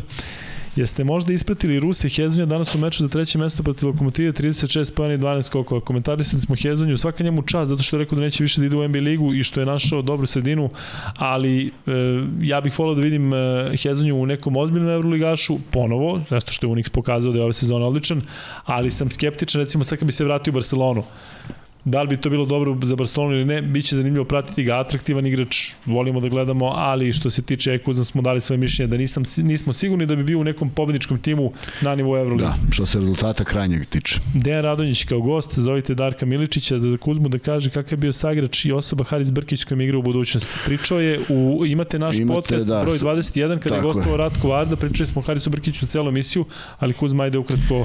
Samo jedna stvar, jedini, jedini kojem sam, kojem sam želeo da kažem da je zaista bolji, da me ne sati neko pogrešno, ja mislim da sam ja bio najbolji, ali prosto od tih bekova koji su bili na mojoj poziciji protiv kojih sam ja igrao, zaista jedini kojima sam skidao kapu za sve ono što može, sa svim ostalima sam bio u stanju i da se borim i da, da smatram da sam bolji i tražio minutažu, ali ako, ako bi morao da biram da nekom budem rezerva, to bi bio on. Bio je kompletan igrač, bio je nenormalno jak, šta je mogao sa loptom ja na prazno nisam uspevao i, i, i, i dan danas mi je mnogo žao. S jedne strane sam imao privilegiju da igram s njim makar tu jednu godinu, a s druge strane žao mi je što je prošlo već toliko godina i što ga nema sa nama. Jel mislite da CSKA može da se vrati jer se piše da nešto pregovaraju, ali nisam čitao detalje. Hoće da igraju u Beogradu, koliko sam ja uh, Hoće da igraju u Beogradu i ulaze u pravnu borbu zato što ne može... Imaju licencu. Pa naravno i ne može neko da im kaže sad vi više niste. Ok, koliko to košta i šta, kako to Mislim izgleda. da može. Šta, da ih izbace? Pa da. Pa može da im plate neke ozbiljne Pa, penale. može, pa. Pa naravno, sve može. Tako da, ja se nadam, meni se dopada ideja da CSKA igra u Beogradu. Meni se to dopada, ne znam Meni koliko je mene, izvodljivo. mene sad zanima zašto su rekli Beograd. Znaš ja kažu, na primjer, CSKA igra u Budimpešti. Ja mislim da bi ovo isto svisnuli od sreće da ih prime. A nemoj izjezati, Što? pominješ Budimpešta koja ne, ne postoji, mislim, košaka ni ne, ne, ne, nivoa. ali ne, zato što, za- ali zato što smo mi negde kao, e, ne, ne, ne mogu u Beogradu. Zašto u Beograd? Zašto nisu rekli neki drugi Postavljali grad? bi verovatno dojave za bombe svaki dan. Zamisli CSKA da igra u Beogradu, koji bi to haos bio. Znači, danas u Ranku Žerovici idu Kučić i pre nas verovatno neko što javili se gleda ovako. Strava. To je problem. Znači, kažem ti, prilično je dramatično.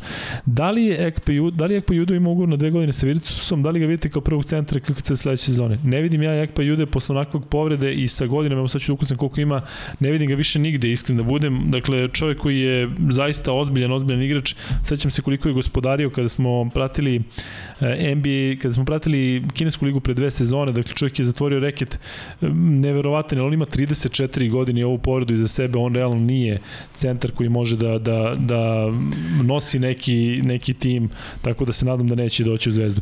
John Brown, Mnogo ajde. smo, mnogo smo imali uh, primera u, u, u Crvene zvezdi i Partizanu igrača kojih se sećamo kakvi su bili. To je jedna priča završena i stalno smo očekivali da vidimo njihove najbolje partije u novim sezonama i nije se desilo. Zato što su prošle godine, zato što zamor materijala postoji, zato što su te povrede odnele mnogo tog nekog kvaliteta i energije, prema tome pamtimo ih kakvi su bili, ali, ali u tim godinama da bude pojačanje u ritmu od 70 utakmica prosto nije logično. Dokle bi stigao Unix da nisu izbačeni ruske ekipe, pa ja mislim dva, ja mislim dva, dve ekipe u osam sigurno. Čak mislim da bi ali se... mislim da bi ispali u prvoj rundi play-offa, ne nema, nema to veze, nego, nego, nego ne bi tri mogle da uđu, ne bi tri Rusa mogla da uđu. Neko bi morao da bude konkurentan, pa bi jedna od tih ekipa, ali dve sigurno. Da li vam zvuči realno priča oko Milutinovog odlaska u Bolonju? Što da ne zvuči realno. Da, nema Ako više- CSKA ne bude mogao da ga zadrži iz razloga Tako na igranje Evrolige, Mišljenje o Jordanu Lloydu, pričali smo o njemu. E, ako me pitate Billy Baron ili Johnny Lo, ili Lloyd, ja mislim Billy Baron. E, možda mu je bila pre zahtevna uloga u Zvezdi, zato što je apsolutno svaka lopta u utakmici išla na njega, ostali su statirali, pa smo onda videli rapsodiju svih tih igrača kada je došao Radonjić koliko to ipak može da ga rasterete, jer su jer je ceo fokus odbrane bio na, na njemu i nije lako dati poen u takvim momentima. John Brown u Zvezdi sledeće sezone i napad na top 8. Sada ću vam reći e, kako se zove agent Johna Browna sa kojim sam se dopisivao. Pa mu, pa mu pošaljite poruku. u svakom slučaju, trebalo je John Brown da bude u našem podcastu, međutim potpisao u tom trenutku za Brešu i onda nije bilo više e, primereno da priča o Zvezdi kada je čovjek potpisao za Brešu. Koliko čujem, o, rekao mi je njegov agent da ima nekoliko Eurocup timova i 4 ili 5 Euroligaških timova koji se interesuju za njega, a kaže da iz Beograda nije došao ni jedan poziv, tako da su to više naše želje i želje neki navijača da John Brown bude, možda ljudi jednostavno sad ne mogu da razmišljaju o sledećoj sezoni, ali koliko sam čuo, uh, Virtus i Real, to sam sad ja čuo, se interesuju za Johna Browna, vrlo interesantan, on je već u godinama kada više ne može da odigra pet dobrih sezona u Euroligi, mislim da je u ovom trenutku daleko od, od Zvezde ili Partizana, ja sam samo želeo da takav igrač dođe, dođe u, u, u Beograd, a Zvezda igra Euroligu i vero, vidjet ćemo kako će se odvijeti situacija. To je sada, ajde da kažem, na dugom štapu. Um, Pasquale u Barsi. Ne možemo da otpisamo Ćavi u Barsi, pitaju da li, da li, da li... Vidjet ćemo, potresi neće stići danas sutra. I deluje realno da se u nekom trenutku vrati. Ali u nekom trenutku vrlo, vrlo verovatno ako, ako se ovo nastavi i vidjet ćemo, sve će zavisiti od, od, od borbe za prvaka Španije. Šta mislite o šansama za licencu večitih u Euroligi? E, novonastala situacija daje tu opciju, ali moramo da spomenemo jednu vrlo bitnu stvar, da su vlasnici 11 klubova, iako su još dva kluba dobili onu privremenu licencu, ali nisu dobili vlasništvo, što znači da postoji neki sukob koji mi ne možemo da posmatramo odavde i da vidimo šta se dešava. 6-5 je, kako sam ja uspeo da shvatim u svim tim odnosima. Nije to dobro za jednu, za jednu takvu organizaciju, to bi prosto moralo da bude zbog mira u kući u nekom drugačijem odnosu odnosu, e, ko će, ko će navlačiti za to, ko će lobirati za to, ako mene pitate da li bih voleo da vidim i Zvezdu i Partizan u Euroligi, pa ja ne znam da li ima čoveka koji to ne bi voleo da vidi na tom nivou, ali koliko je to realno u ovom trenutku, s obzirom da je Bartomeu držao nekoliko sastanaka ovih dana, a da mu 30. juna ističe mandat, ajmo prvo sačekamo da vidimo koja klima dolazi, koja struja dolazi, ko tu za koga navija i Biće baš zeznuto. Naravno, Mislim naravno. da će koška biti u drugom planu, tako da... Tu su sada borbe koje su u oko financija, koje, koje mi ne, do, do kojih mi ne dobacujemo i sve pričamo sa sportskog aspekta, ali vidjet ćemo ko šta kaže. Pitanje za Kuzmu, da li ima tačnosti u priči da predsednik CSKA ima u planu da stvori novu ligu sa sve Grcima, Rusima, Balkancima, pa čak i možda Turcima, to smo pričali i on je to najavio on kao je to najavio, ali to, ali, ali, ali sad to lepo zvuči, ajde da napravimo, međutim, to bi značilo uh, potpisane ugovore, TV prava, ko to prenosi, ko to sponzoriše, ko prevozi, znaš, to, to, to teško, nije, to teško nije nešto... Da, a opet ne treba... Ne treba iz, izbaciti kao opciju, ali, ali u ovako kratkom periodu, to jedino postoji tim ljudi koji se bavi time već duže vremena, pa da to serviraju. Ali sa Turcima a Turkish Airlines Euroliga, mislim da su to ipak neke Tako malo, malo igre, malo, malo, malo a Turci su to možda tas na vagi, zato što kada bi stavio Fener, Efes i možda treću ekipu iz Turske, koja god daje Karšijaka igra tu Fibnu ligu šampiona, ali može Turska da ponudi još jednog, tako je. još jedan bursa. Dobijaš recimo, jaku, dobijaš strašno dobijaš, jaku istočnu ligu. To je tas ligu, na vagi, da. tako je. Još možda ako bi dobio Zvezdu i Partizan sa Rusima i Grcima, i ubaciš, to je strahovito, to je 10, 10 izuzetnih timova. Tako da, i ne treba ti više. Ne treba više, to je dovoljna da. liga, da. E, govorimo šta je bilo kad je bilo. Šta mislite o šansama za licencu večitih u Euroligi? Pa to smo malo pre rekli. Ja bih voleo da jedan klub u ovom trenutku, u ovom trenutku je tome bliža Zvezda ako pričamo o nečemu što je u proteklih 6, 7, 8 godina. Jesi postavio si. Kukulele, idemo dalje. Da. Mišljenje o Caleb ali, ali, ali zaista ako bi, ako bi ako bi postojala mogućnost da Zvezda makar privremenu licencu dobije, a na konto toga da kao drugi predstavnik uđe Partizan, to bi već bila dovoljno dobra stvar. Nadamo se da ćemo pričati o Euroligi, mm, ali kažem, vrlo je, vrlo je specifična situacija. Šta se dešava sa onim Aizeom iz FNP-a, najbolji drug Quincy Millera, da li neko zna? Ja ne znam, ali možda neko zna ovde na, na ovom četu našem. Šta kažete na dolazak i tudi se u Fener? Priča, priča se o tome ali mislim da je nerealno govoriti. Me sve dok se piše, ne bude na, na milion da, strana se sve dok se ne bude rešila da, drugo, Sala Đorđević je danas prošao bursu sa, sa Fenerbahčem, ušao u polufinale e, ovog, možda Efes bude, možda Fenerbahče uzme titulu, neće onda sigurno da, da, da otpuštaju Đorđevića. Da li može Williams Goz da dođe u Partizan? Pa posle ove današnje povrede još teže nego pre povrede. Da, i ne znam šta bi do, donao. Da, tako je, da. I zbog minuta, poraci, da. i zbog minuta Bio on u nekom igra. drugom vremenu u Partizanu tako i sada se vraća, nije... To, to su da- uspomene i to je lepo, ali e, to nisu je, isti igrači. Najveća greška Zvezde je što nije strpila Radičevića. U, dobro, sad... Mislim da nije najveća greška nije, Zvezde ako je da. greška. Da. Pitanje za Kuzmu, da li znaš šta se desilo Alfonso Fordu, uh, koji je razlog njegove smrti? E, ja mislim neka, da on imao da, neku bolest. Preminuo Ademola Okulađa. Jeste, to je nevjerojatno, da. 46 godina, sveća se pre nekih desete godina kada je izašla ta priča da on ima karcinom pluća, pa se izvuku pa je bilo kao, je li sve okej okay? i samo se pojavi ta vest, Ademola Okulađa, mislim, ne znam... Ne znam, ne znam za Alfonso Forda pouzdano, ali mislim da je neka bolest koja ga je vrlo brzo E, pa i sad ovo, kako je vaše famozni pukovnik Kodi sa svojim pitanjima koje su jako dobre? Kako je vaše mišljenje generalno o juniorskim evoligaškim turnirima i da li bi više imalo smisla da igraju momci do 20 godina? E, zato što su ovi sa 18 daleko neupotrebljivi za seniorske košarkaške uloge. E, Pa bilo bi zanimljivo da je do 20 godina, ali onda uzimaš igrače koji imaš ti ovde 20-godišnjake među ovim evo, ligaškim timovima. Meni je ovo zanimljivo, moram priznati. Ima dece koje su, koje su sjajna, zanimljivo je da pratim, kažem, priča sam subjektivan zato što sam u toj priči, ali, ali meni je interesantno i to daje nekako baš taj šmek celom F4 da ima još više utakmica, mlade nade. Dakle, u, Hali Ranko Žerovica su bili danas David Andersen, Ivica Zubac kao gost nije dolazio, ali ti skauti e, širom sveta, mnogo, mnogo, kažem onako, ma, imaš 50 skauta koji samo gledaju te, te mečeve, tako da...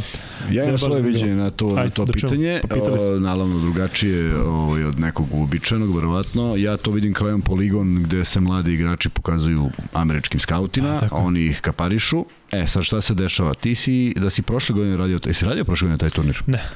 Da si ovih pet poslednjih godina radio taj turnir, ti bi uživao u 18-godišnjacima koji dolaze. Došli su i ove godine. To je e, to je plejada 18-godišnjaka ili ti 20-godišnjaka, od kojih mnogi nestanu. Tako je. Mnogi nestanu samo zato što se on njemu sa 19 pojavio ovaj sa 18. Ne može to da bude način kako nekoga promovisati. Ne može da bude u jednoj ekipi. To je osnovni problem. Ne može neko da da pokojnom Dražanu Petroviću šansu i da mu sutra dovede igrača koji je za nijansu mlađi, a možda je perspektivni. Pa mora dobije neku šansu. Ja se bojim da je ovo jedan poligon da se svi oni pokažu, Bio sam u tom televizu gledao te igrače, ne mogu da se zakunem da su svi ti igrači, ne svi, nego velika većina pro prosperirala. I onda u stvari postaviš pitanje šta je zaista, ja bih volao da sad napravimo spisak od prethodnih pet godina da imamo gde su igrači. Bojim se da, da mnogih u koje si bio mogao da budeš zaljubljen ili bilo ko ko je gledao, da ih prosto nema. Jer su stigli novi. Kako može da stigne neko nov kad ovo još nije dobio šansu? E to meni smeta na količini. A vr, vrte se prilično slični timovi. E, evo jedne anegdote kao odgovor na pitanje. E, Quincy Miller kao gost. Ajde ti imaš da kažeš nešto, pa ću ja da ispričam anegdotu. Ne. Jel imaš nešto za Quincy Millera? Quincy Miller, ovako, moja supruga ide, pre, kad je bio u Zvezdi, 5-6 godina na aerodromu, ide 10 metara ispred mene, ja idem iza nje i jurim je.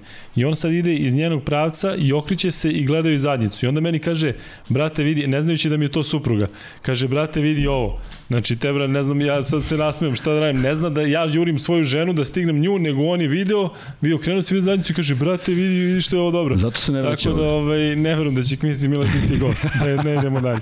E, mišljenje o Jaramazu i njegovom napretku, ja sam oduševljen, Da, moram da. priznati. Ali da vam kažem Nisam nešto- očekivao no, tako, mislio sam da će ga pojesti, sve to neko je delovalo da je možda i u grču E, eksplodirao imam, je. imam, jednu, imam jednu anegdotu odličnu za Jaramaza. Ajde. A, 2015. Linjano, moj prvi posao u okviru Saveza, odlazimo na U20, Jaramaz je starter i nismo mi apsolutno bili ljudi koji su se mešali u bilo šta što je Vlada Đokić govorio o svojim igračima, niti smo prisustvovali sastancima u, u slačionici, niti je on to želeo, ali u jednom momentu Jaramaz čekali smo da počne nešto i ja sam rekao Rekao, vidi, ono juče što si radio bilo je fenomenalno. Samo dribling ispred njega i diži. I on je dva puta na početku utakmice to uradio i oba puta je pogledao ka meni. Ja sam onako sedeo prilično zadovoljan, ne zato što sam ja dao tu ideju, nego zato što je poverovao nekom starijem, nekom sa iskustvom u nekoj dobroj nameri i realizovao te šuteve, tako da Imao sam ja to s tobom, na mnogo drugačije da. ovo, ali Kuzma Ali- kaže nešto probaj, ja probam, Kuzma kaže bravo, ono uđe i tako. Ali stvarno, nije, nije stvar za zvezdu. Sećaš se ono kao pomeri se. Kao, A što nisi samo malo, malo levo? Pa da, bukvalno. Pamtiš, pamtiš. Pamtim se. Šta mislite o Adžiću pomoćni trener u Bayernu? Imaš mišljenje? O, da, divan momak, rade, družili smo se, igrali smo futbol zajedno, posvećen tome, mislim da je To je izuzetno... anegdota sama po sebi. Pomoćni trener Bajana i Kuzma Da, su igrali zajedno fut- tako, igrali futbol. Igrali futbol, da. Branio je i dobro je branio, ali ne baš sve. I ovaj i mislim da je dovoljno posvećen da bude da bude jedan odličan trener ba, baš u tom baš u tom smislu u kojem se trenutno nalazi. Ne mora svaki pomoćni da bude vrhunski prvi. Videli smo Gavranović, al tako beš, Gavranović. Gavrilović. Gavrilović. Videli smo Gavru kako se nije snašao, a ja mislim da je on vrhunski trener, nego pored Skariola osvaja Da, da, da. titule. Prema tome, Adžić je neko ko, ko tu se našao i mislim da radi dobar posao. Ehm, dobro, može li Olimpija da dobije ponudu nekog jačeg evrokupaša ili evroligaša za sledeću sezonu, pa šta će mu jači evrokupaš? Ja mislim da mu ne treba jači zato što ako sada prepoznaju taj kvalitet i ovo Tako što je ekipa uradila treba pojačaju budžete, ne nužno da pojačaju da bi bacili pare, nego da naprave bolju ekipu, to ste da A kažem. znaš šta je tu nezgodno? Zato što on ako će nekad dobiti ponudu, dobit će sada kad ozvaniči najbolji trener Evrokupa, a siguran sam da, da Bursa je u nekom, u nekom momentu može da parira. Znači, ne može da on dobije sada 50 miliona od nekoga. E, Mnogo zavisi šta znači ta ponuda, znaš, šta znači bolji klub. To treba izvagati. Ali da si, da si Olimpijević i da imaš recimo duplo bolju finansijsku po- ponudu od Burse. Da, šta je najpametnije? Ne govorim sad Ne da znam, za- zavisi, zavisi gde ideš, zavisi u koji klub ideš. Da, je li to klub sa tradicijom, je li to klub koji napada, je li to klub koji ima stabilnost?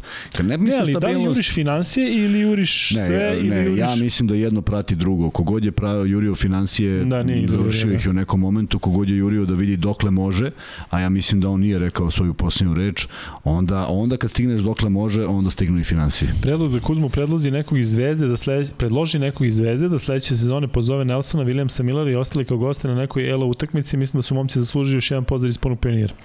Uh, Da dođu na utakmicu Da, u, da, u da. Beograd, pa jeste, ali, ali oni negde igraju, verovatno, pa nije baš tako ili, lako. Da. da, ili ako ne igri, onda su u Okupiti- Americi, pa E, ja sam ja sam pristalica toga da pre nego što pozovemo njih, pozovemo sve one bivše zvezdaše, jer kad bi ja sad pričao ko je sve igrao Da. u Zvezdi i ko je ostavio do, do, da, oni dubok su trag. dostupni, mogu da se pojavi ovako je. i onda ljudi vjerojatno razmišljaju... da, ironija je što nema ni ovih i to je to je nešto što mi smeta generalno zato što bih voleo da ih vidim jer e, mi smo navijali za te ljude, igrali su ozbiljnu košarku 80-ih.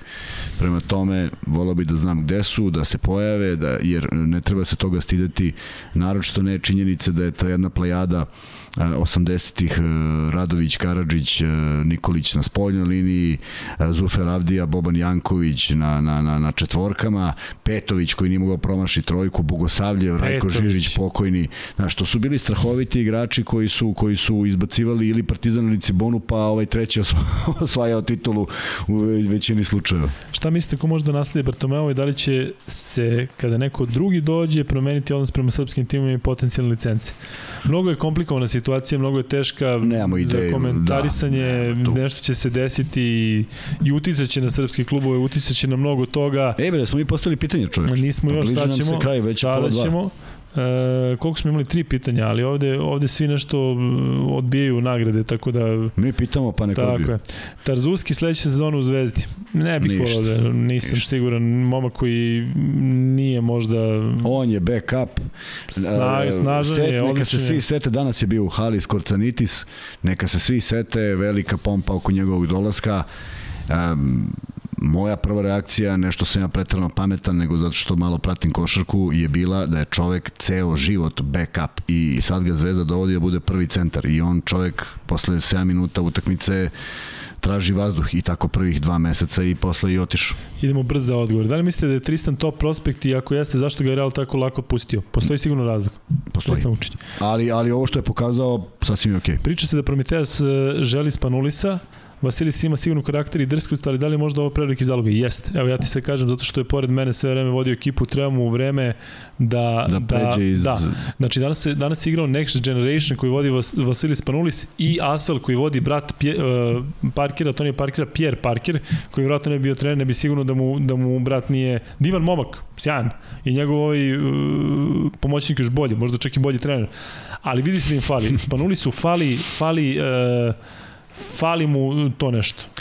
I ne znam da li se to sad dobija iskustvom ili ne, čovjek nije tražio timeout pre neki dan na 12, 15, 0, znači ne znam, jednostavno mora da prođe tu tranziciju iz igrača u trenera i ovo je pravo mesto, dakle da radi sa mladim momcima.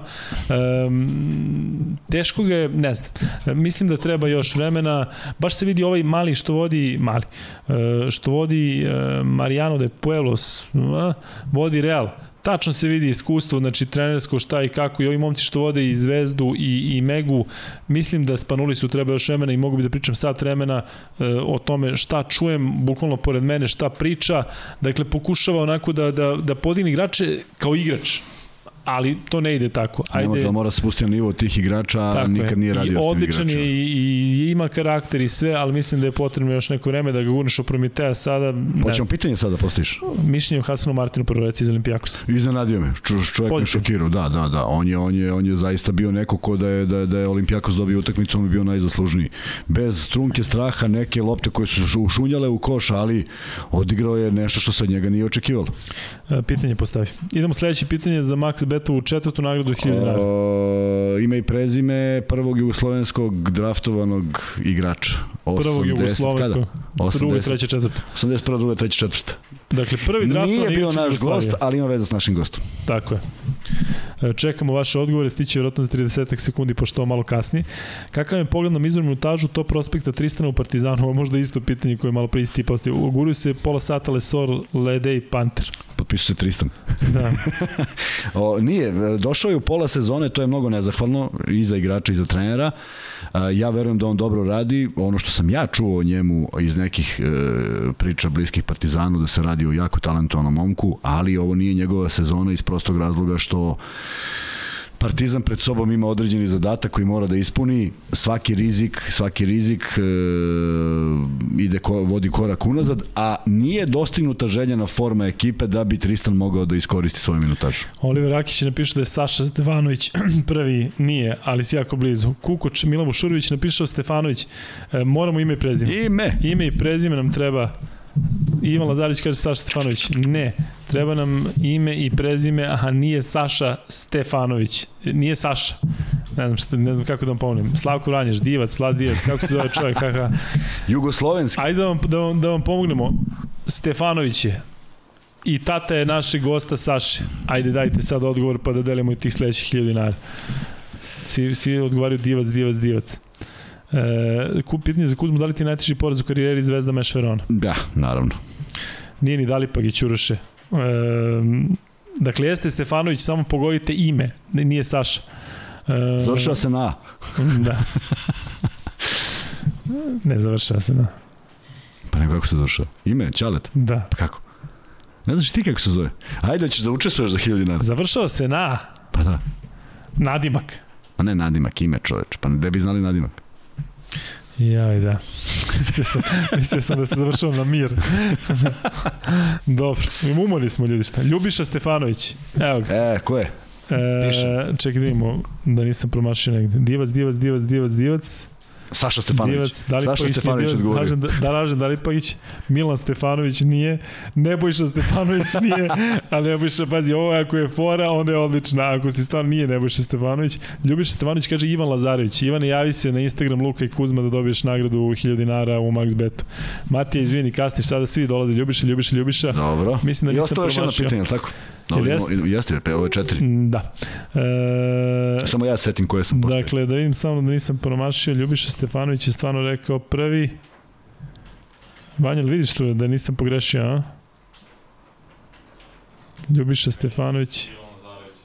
Jesmo napisali Ivan Lazarević? Ja sam napisao. Ivane, javi se. I posljednje peto pitanje. Ko je beš? E, šta je najviše nedostajalo Vladimiru Radmanoviću u Sjedinim američkim državama? To je rekao u jednoj anegdoti u našem, u našem podcastu. Ovo je jako teško pitanje ili nije, ako ste zaista pratili, to su čak i, i ovaj, neki prenosili.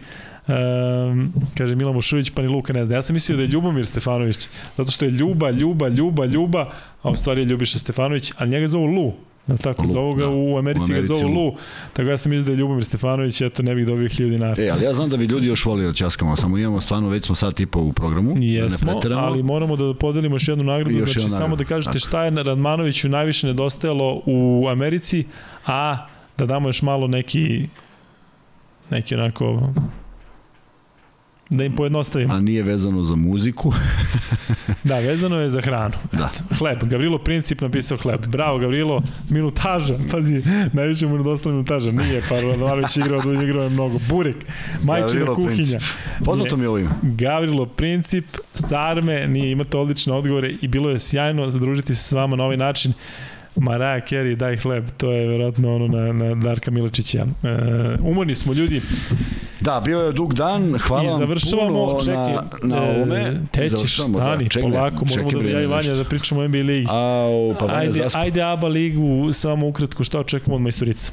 Pričali smo okolo naokolo, Vidi, ali mi ćemo, mi ćemo imati podcast kada, kada kreće druga utakmica Zvezde. Uh, ja Treća. očekujem, uh, treća utakmica Zvezde. Ja očekujem u nedelju dajem prednost Partizanu uz uh, popravku svih onih stvari koje su nedostajale, zato što je to bilo vidljivo u utakmici broj 2. Dolazi ekipa koja nema šta da izgubi i vrlo slično ću reći i za, i za uh, CDV-tu iz prostog razloga što su imali jednu neverovatnu seriju pobeda i to ne treba ovaj, zaboraviti. Prema tome, vrlo slični mečevi nas čekaju. Verujem u pobedu oba beogradska kluba, ali ne ni malo lako, ni malo naivno i ni malo bez ozbiljnog pristupa. Ajmo NBA, Vanja, idemo kratko. Dakle, prvo ovo da prokomentarišemo e, posle Kotinu na licu Luke Dončića. Pa ne, neki specijalan komentar, desilo slučajno. Misliš da je slučajno? Pa mislim da jeste više u pitanju, Viginc mi nije stvarno ni prljav igrač, niti bilo što, Misliš da niti mu ima nije neke rekao Draymond emocije. Green i sve, a? Šta šta? Misliš da mu Draymond nije rekao ajde udri, udri. No, to? ne verujem, ne. Da, stvarno nije, on je dečko, Nije, nije. kažem ti je malo, mislim da je stvarno ono, neko ko nije u stanju da to uradi namerno. Nije, Ajde, nije. idemo tako, ali bit će još posikotina na licu Luke Dončića sigurno i noge, mislim da će nam udariju po nogama maksimalno, znači znamo i gde Draymond Green udara, bit će u svakom slučaju zanimljiva serija. Vanja, šta očekujemo? Koliko, koliko, u koliko Golden State prolazi, šta smo rekli? Golden State u šest, možda Šta, pet. šta očekuješ u drugom meču? Prvi je dobio Golden State lako, da li očekuješ u drugom neizvesnu utakmicu ili da ih opet operu ili da eventualno Dallas iznenadi?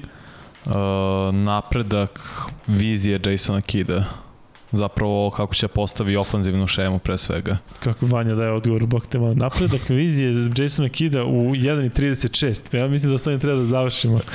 Ali, ovaj... E, E, će biti mnogo napredka u ofanzivnom game planu Dallasa. mislim da Jason Kidd ono zacrtan za narednih 10 godina da bude trener Dallasa. Da, apsolutno. Tada, I dok je Dončić to, i to je to, i Gradiće, i, i Rašće, i to je to. Ali ovaj, ja bih voleo da Dallas dobije drugu utakmicu da bi serija bila zanimljivija. Dakle, da, da, da, da sada Dallas uradi ono što je Golden State uradio Memphisu, da posle prve, prve te dva gostovanja imaju, imaju jedan jedan. Problem što Golden State neće shvatiti olako Dallas. Neće, Vidjeli su šta se ma desilo u kažem Phoenixu i nemate ne bi mi previše da su bude iskusni na 4-0. to. Ne bi mi iznenadilo da bude 4-0. Da, da. Znaš, ali će biti, ali neće sigurno biti 4-0, ali ne bi me iznenadilo. Uh, ajde da pređemo na ovu drugu seriju. Miami je jednako, je li jednako uh, pobedio Boston jednako lako, možemo Pa, da kažemo. n- onako. Ne baš, a? Drugo, prvo polovreme Da. da. Boston bio poprilično bolje, kao da su se izduvali, ostali bez gasa i onda Miami prosto nagazio Butler pre svega, odbrana pre svega, zapravo Miami. je. A Horford, šta misliš o Horfordu u smislu, jel I misliš da obojica on taj... igraju večeras, i sam. Smart i Horford. Da, e, ali je li Horford e, taj tas koji možda može da, da pređe na stranu Boston, ko bi rekao je Horford koga su ono, šutnuli iz Oklahoma, e, bukvalno onoga šutnuli, što razumem zato što mu hoće mlad tim, ali Da. da. Horford je sila, Horford je neko ko kažem ti je u stanju da uradi sve baš onako kakav treba. E, ja bih isto uvolao da bude 1-1, znaš, da, da serija, da, da ovako mi deluje, kažem ti 2-0 ako bude za Miami, da će to Boston teško da preokreće. Pa ne, ako je 2-0 opet, to je Miami odbranio domaći teren. A plus ni Hero nije igrao nešto specijalno, je odigrao u, drugom, u drugoj četvrtini održih igri, Oladipo isto bio slab, Lauri i dalje ne igra povređen, tako Da, da, da i to je, Miami mislim- je desetkovan. Ali Nije- Miami mislim da je to najbolje zato što oni dobijaju, a nisu ni blizu Tako onoga je. što mogu da budu. Tako je, tako je, apsolutno. Tako da Miami stvarno mm, ekipa koju ja nisam shvatao ozbiljno u smislu da možda uzmeš šampionski prsten, sada naravno se podrazumeva da li, da li da, Prosto da taj će... mentalitet Pat Riley-a iz Paul Straita i zato se Jimmy Butler sjajno uklapa u njihov, uh, u njihov, u njihov taj plan jer to je on zapravo na terenu sprovodi to maksimalno. Lazar, Lazar, ne štedi se uopšte. Lazar kaže pokvareni namerno, ove se već tri sezone kao redom povređuju najbolji igrači. Da, jeste definitivno, definitivno jeste. Zovi Tacu Pazovu u podcast. Ne znam ko je to. Koja je Taca Pazova? Jel stara ili nova? Mo, možda neka fora. Ne puštajte Kuzmu do 5 ujutru minimum. E, stižu pitanja, stiže se, znači Kuzma, ko je najbolji odbrani igrač koji te čuvao? Izvini, Vanja, vratit ćemo se. Malaga. Najbolji odbrani igrač. Moram da razmislim. Haris Brkić, jesi rekao da ste igrali 1 na 1. Pogledajte Haris 21 da, podcast. Haris da, ali, ali Pera Božić. Pera Božić. Pera Božić, Vesa Petrović. Ajde da zovemo Peru Božića, jednoga tamo u, onim Pa sparsima. čekamo da i on završi malo. Jesu završili? Pa, on znači. čovjek završio NBA G ligu pre 3 meseca. A, nisam, nisam imao ja direktne čuvare baš u Euroligi, znaš, niko nije obraćao pažnju na mene u onoj plejadi igrača, ali ovo na domaćem terenu njih trojica. Pitanje za Vanju, šta se desilo sa Izeom Tomasom, zašto nije mogao da nađe neki ugovor, tek na kraju je potpisao za šalu zadnje pet, zadnjih 15 mečeva? To takav NBA prosto ne daje s puno šanse. A, ni, Okreće a nije baš Tomas neko kome ćeš da daš šansu i da, da rizikuješ Kazans, Tomas, mislim da to Pa sve nije, ide. zato što i Tomasu treba lopta stalno u rukama. Tako. On je uber talentan, da se razumem, jeste, jeste. svoju vesinu, ali 175. prosto NBA ide ka mlađim, sve mlađim, Tako mlađim, je. njegovo vreme je prošlo, na, nažalost. Ne, treba da gradiš bukvalno timu koji Izeja Tomasa, ko će to da radi, tako? Treba da ti Da. Izeja Tomas bude opcija, pa Pa ti treba oko njega... šesti igrač. Ma, kažem ti, Taj ja baz. mislim da, da ja od njega obožavam, zna i Kuzma, ali on jednostavno nije nije, nije više što ti kažeš NBA takav da može Isaiah Thomas da Da, prođe da. kao i da bude superstar, teško, a, a ne može da bude ništa drugo i mislim da će Westbrook uskoro biti u, u, u tom nivou da tipa ga neće hteti timovi, a da će stvarno imati i dalje šta da pruži Tako da, da je to to. Vanja, ali imaš nešto u vezi NBA-a? Šta smo rekli, šta očekuješ od serije Boston? eh, Miami u šest, stvarno očekujem Jimmy Butlera Znači, da nastavi 4-2. dominaciju. Da, da. Dobro. E, Vanja, ali imaš nešto da prekomentarišemo u vezi NBA ligi? Je bilo nekih... Orlando Magic je dobio prvog pika na draftu. Bio je pre dve noće ovaj NBA loteri. Sad ne mogu koji je bio dru, drugo valjda Oklahoma. A ko je, ko je ono projektovan da će biti prvi pik? Pa jeste ovi visoki mršavi centari, Belic, da. Chad Holgram i Jest. James Gonzaga da je, ali meni se sviđa ovaj Paolo Ban Banchero, Banchero, sad kako se izgovori, Jest. nego Mislim sad je Banchero, Juka, da. preozbiljna tamo, stvarno bi pre s njim išao, nego prosto previše mi je i, niz, i ne nizak, nego mršav. Chad Da, da. Holgram. A ovaj ima kompletnu igru u napadu, nije u odbrani ništa skoro, ali to se vreme, to vremenom dolazi. Ili ovaj Jabari Smith sa obrna. Da, ali, Jabari Smith, njega su baš ono isto ne nahvali, ali recimo i Jaden Ivey što igra sa našim Sašom Stefanovićem u Purdue igrao je, tačnije pet ovih dve godine. Da, da, on, on kaže da će biti novi Jamorant, ne znaš ko je Jamorant, ne znaš. Ljudi, idemo da spavamo, podelili smo nagrade, hvala vam što ste bili sa nama, Vanja, hvala tebi što si učestvovao u ovom NBA delu, E, stvarno je bilo vrlo zanimljivo i bolje ovaj live, nego prethodni, delili smo nagrade, bilo je više, više vas, bilo je i više toga da se priča, mislim da će nam ovo biti najduži podcast na Vanja. Hoće sigurno. Biće najduži podcast, tako da e, ima mnogo pitanja koje ste postavili, ali jednostavno nemamo vremena ni snage da više odgovaramo. 20 do 2 je noću, ja opet idem u Ranko Žerovice halu da radim ove klince. Aleksandar Plisnić. A ne, šta Aleksandar Plisnić, Vanja Plisnić je bio, tako? Vanja, što, šta? Ne, pa piše Aleksandar Plisnić. Da šta daje misliš? komentar ili da ga Nemam do, pojma. pozove? Vanja, Vanja. E, ali, e, ajde ovako, e, vidimo se Sačuvajte, sledeći put u ponedjeljak. pitanja. Javite se na Luka i Kuzma, e, pričamo i u nastavku sezone, budite uz nas. Imaš nešto da dodaš? Nemam više, nemam više reči. Vidimo se.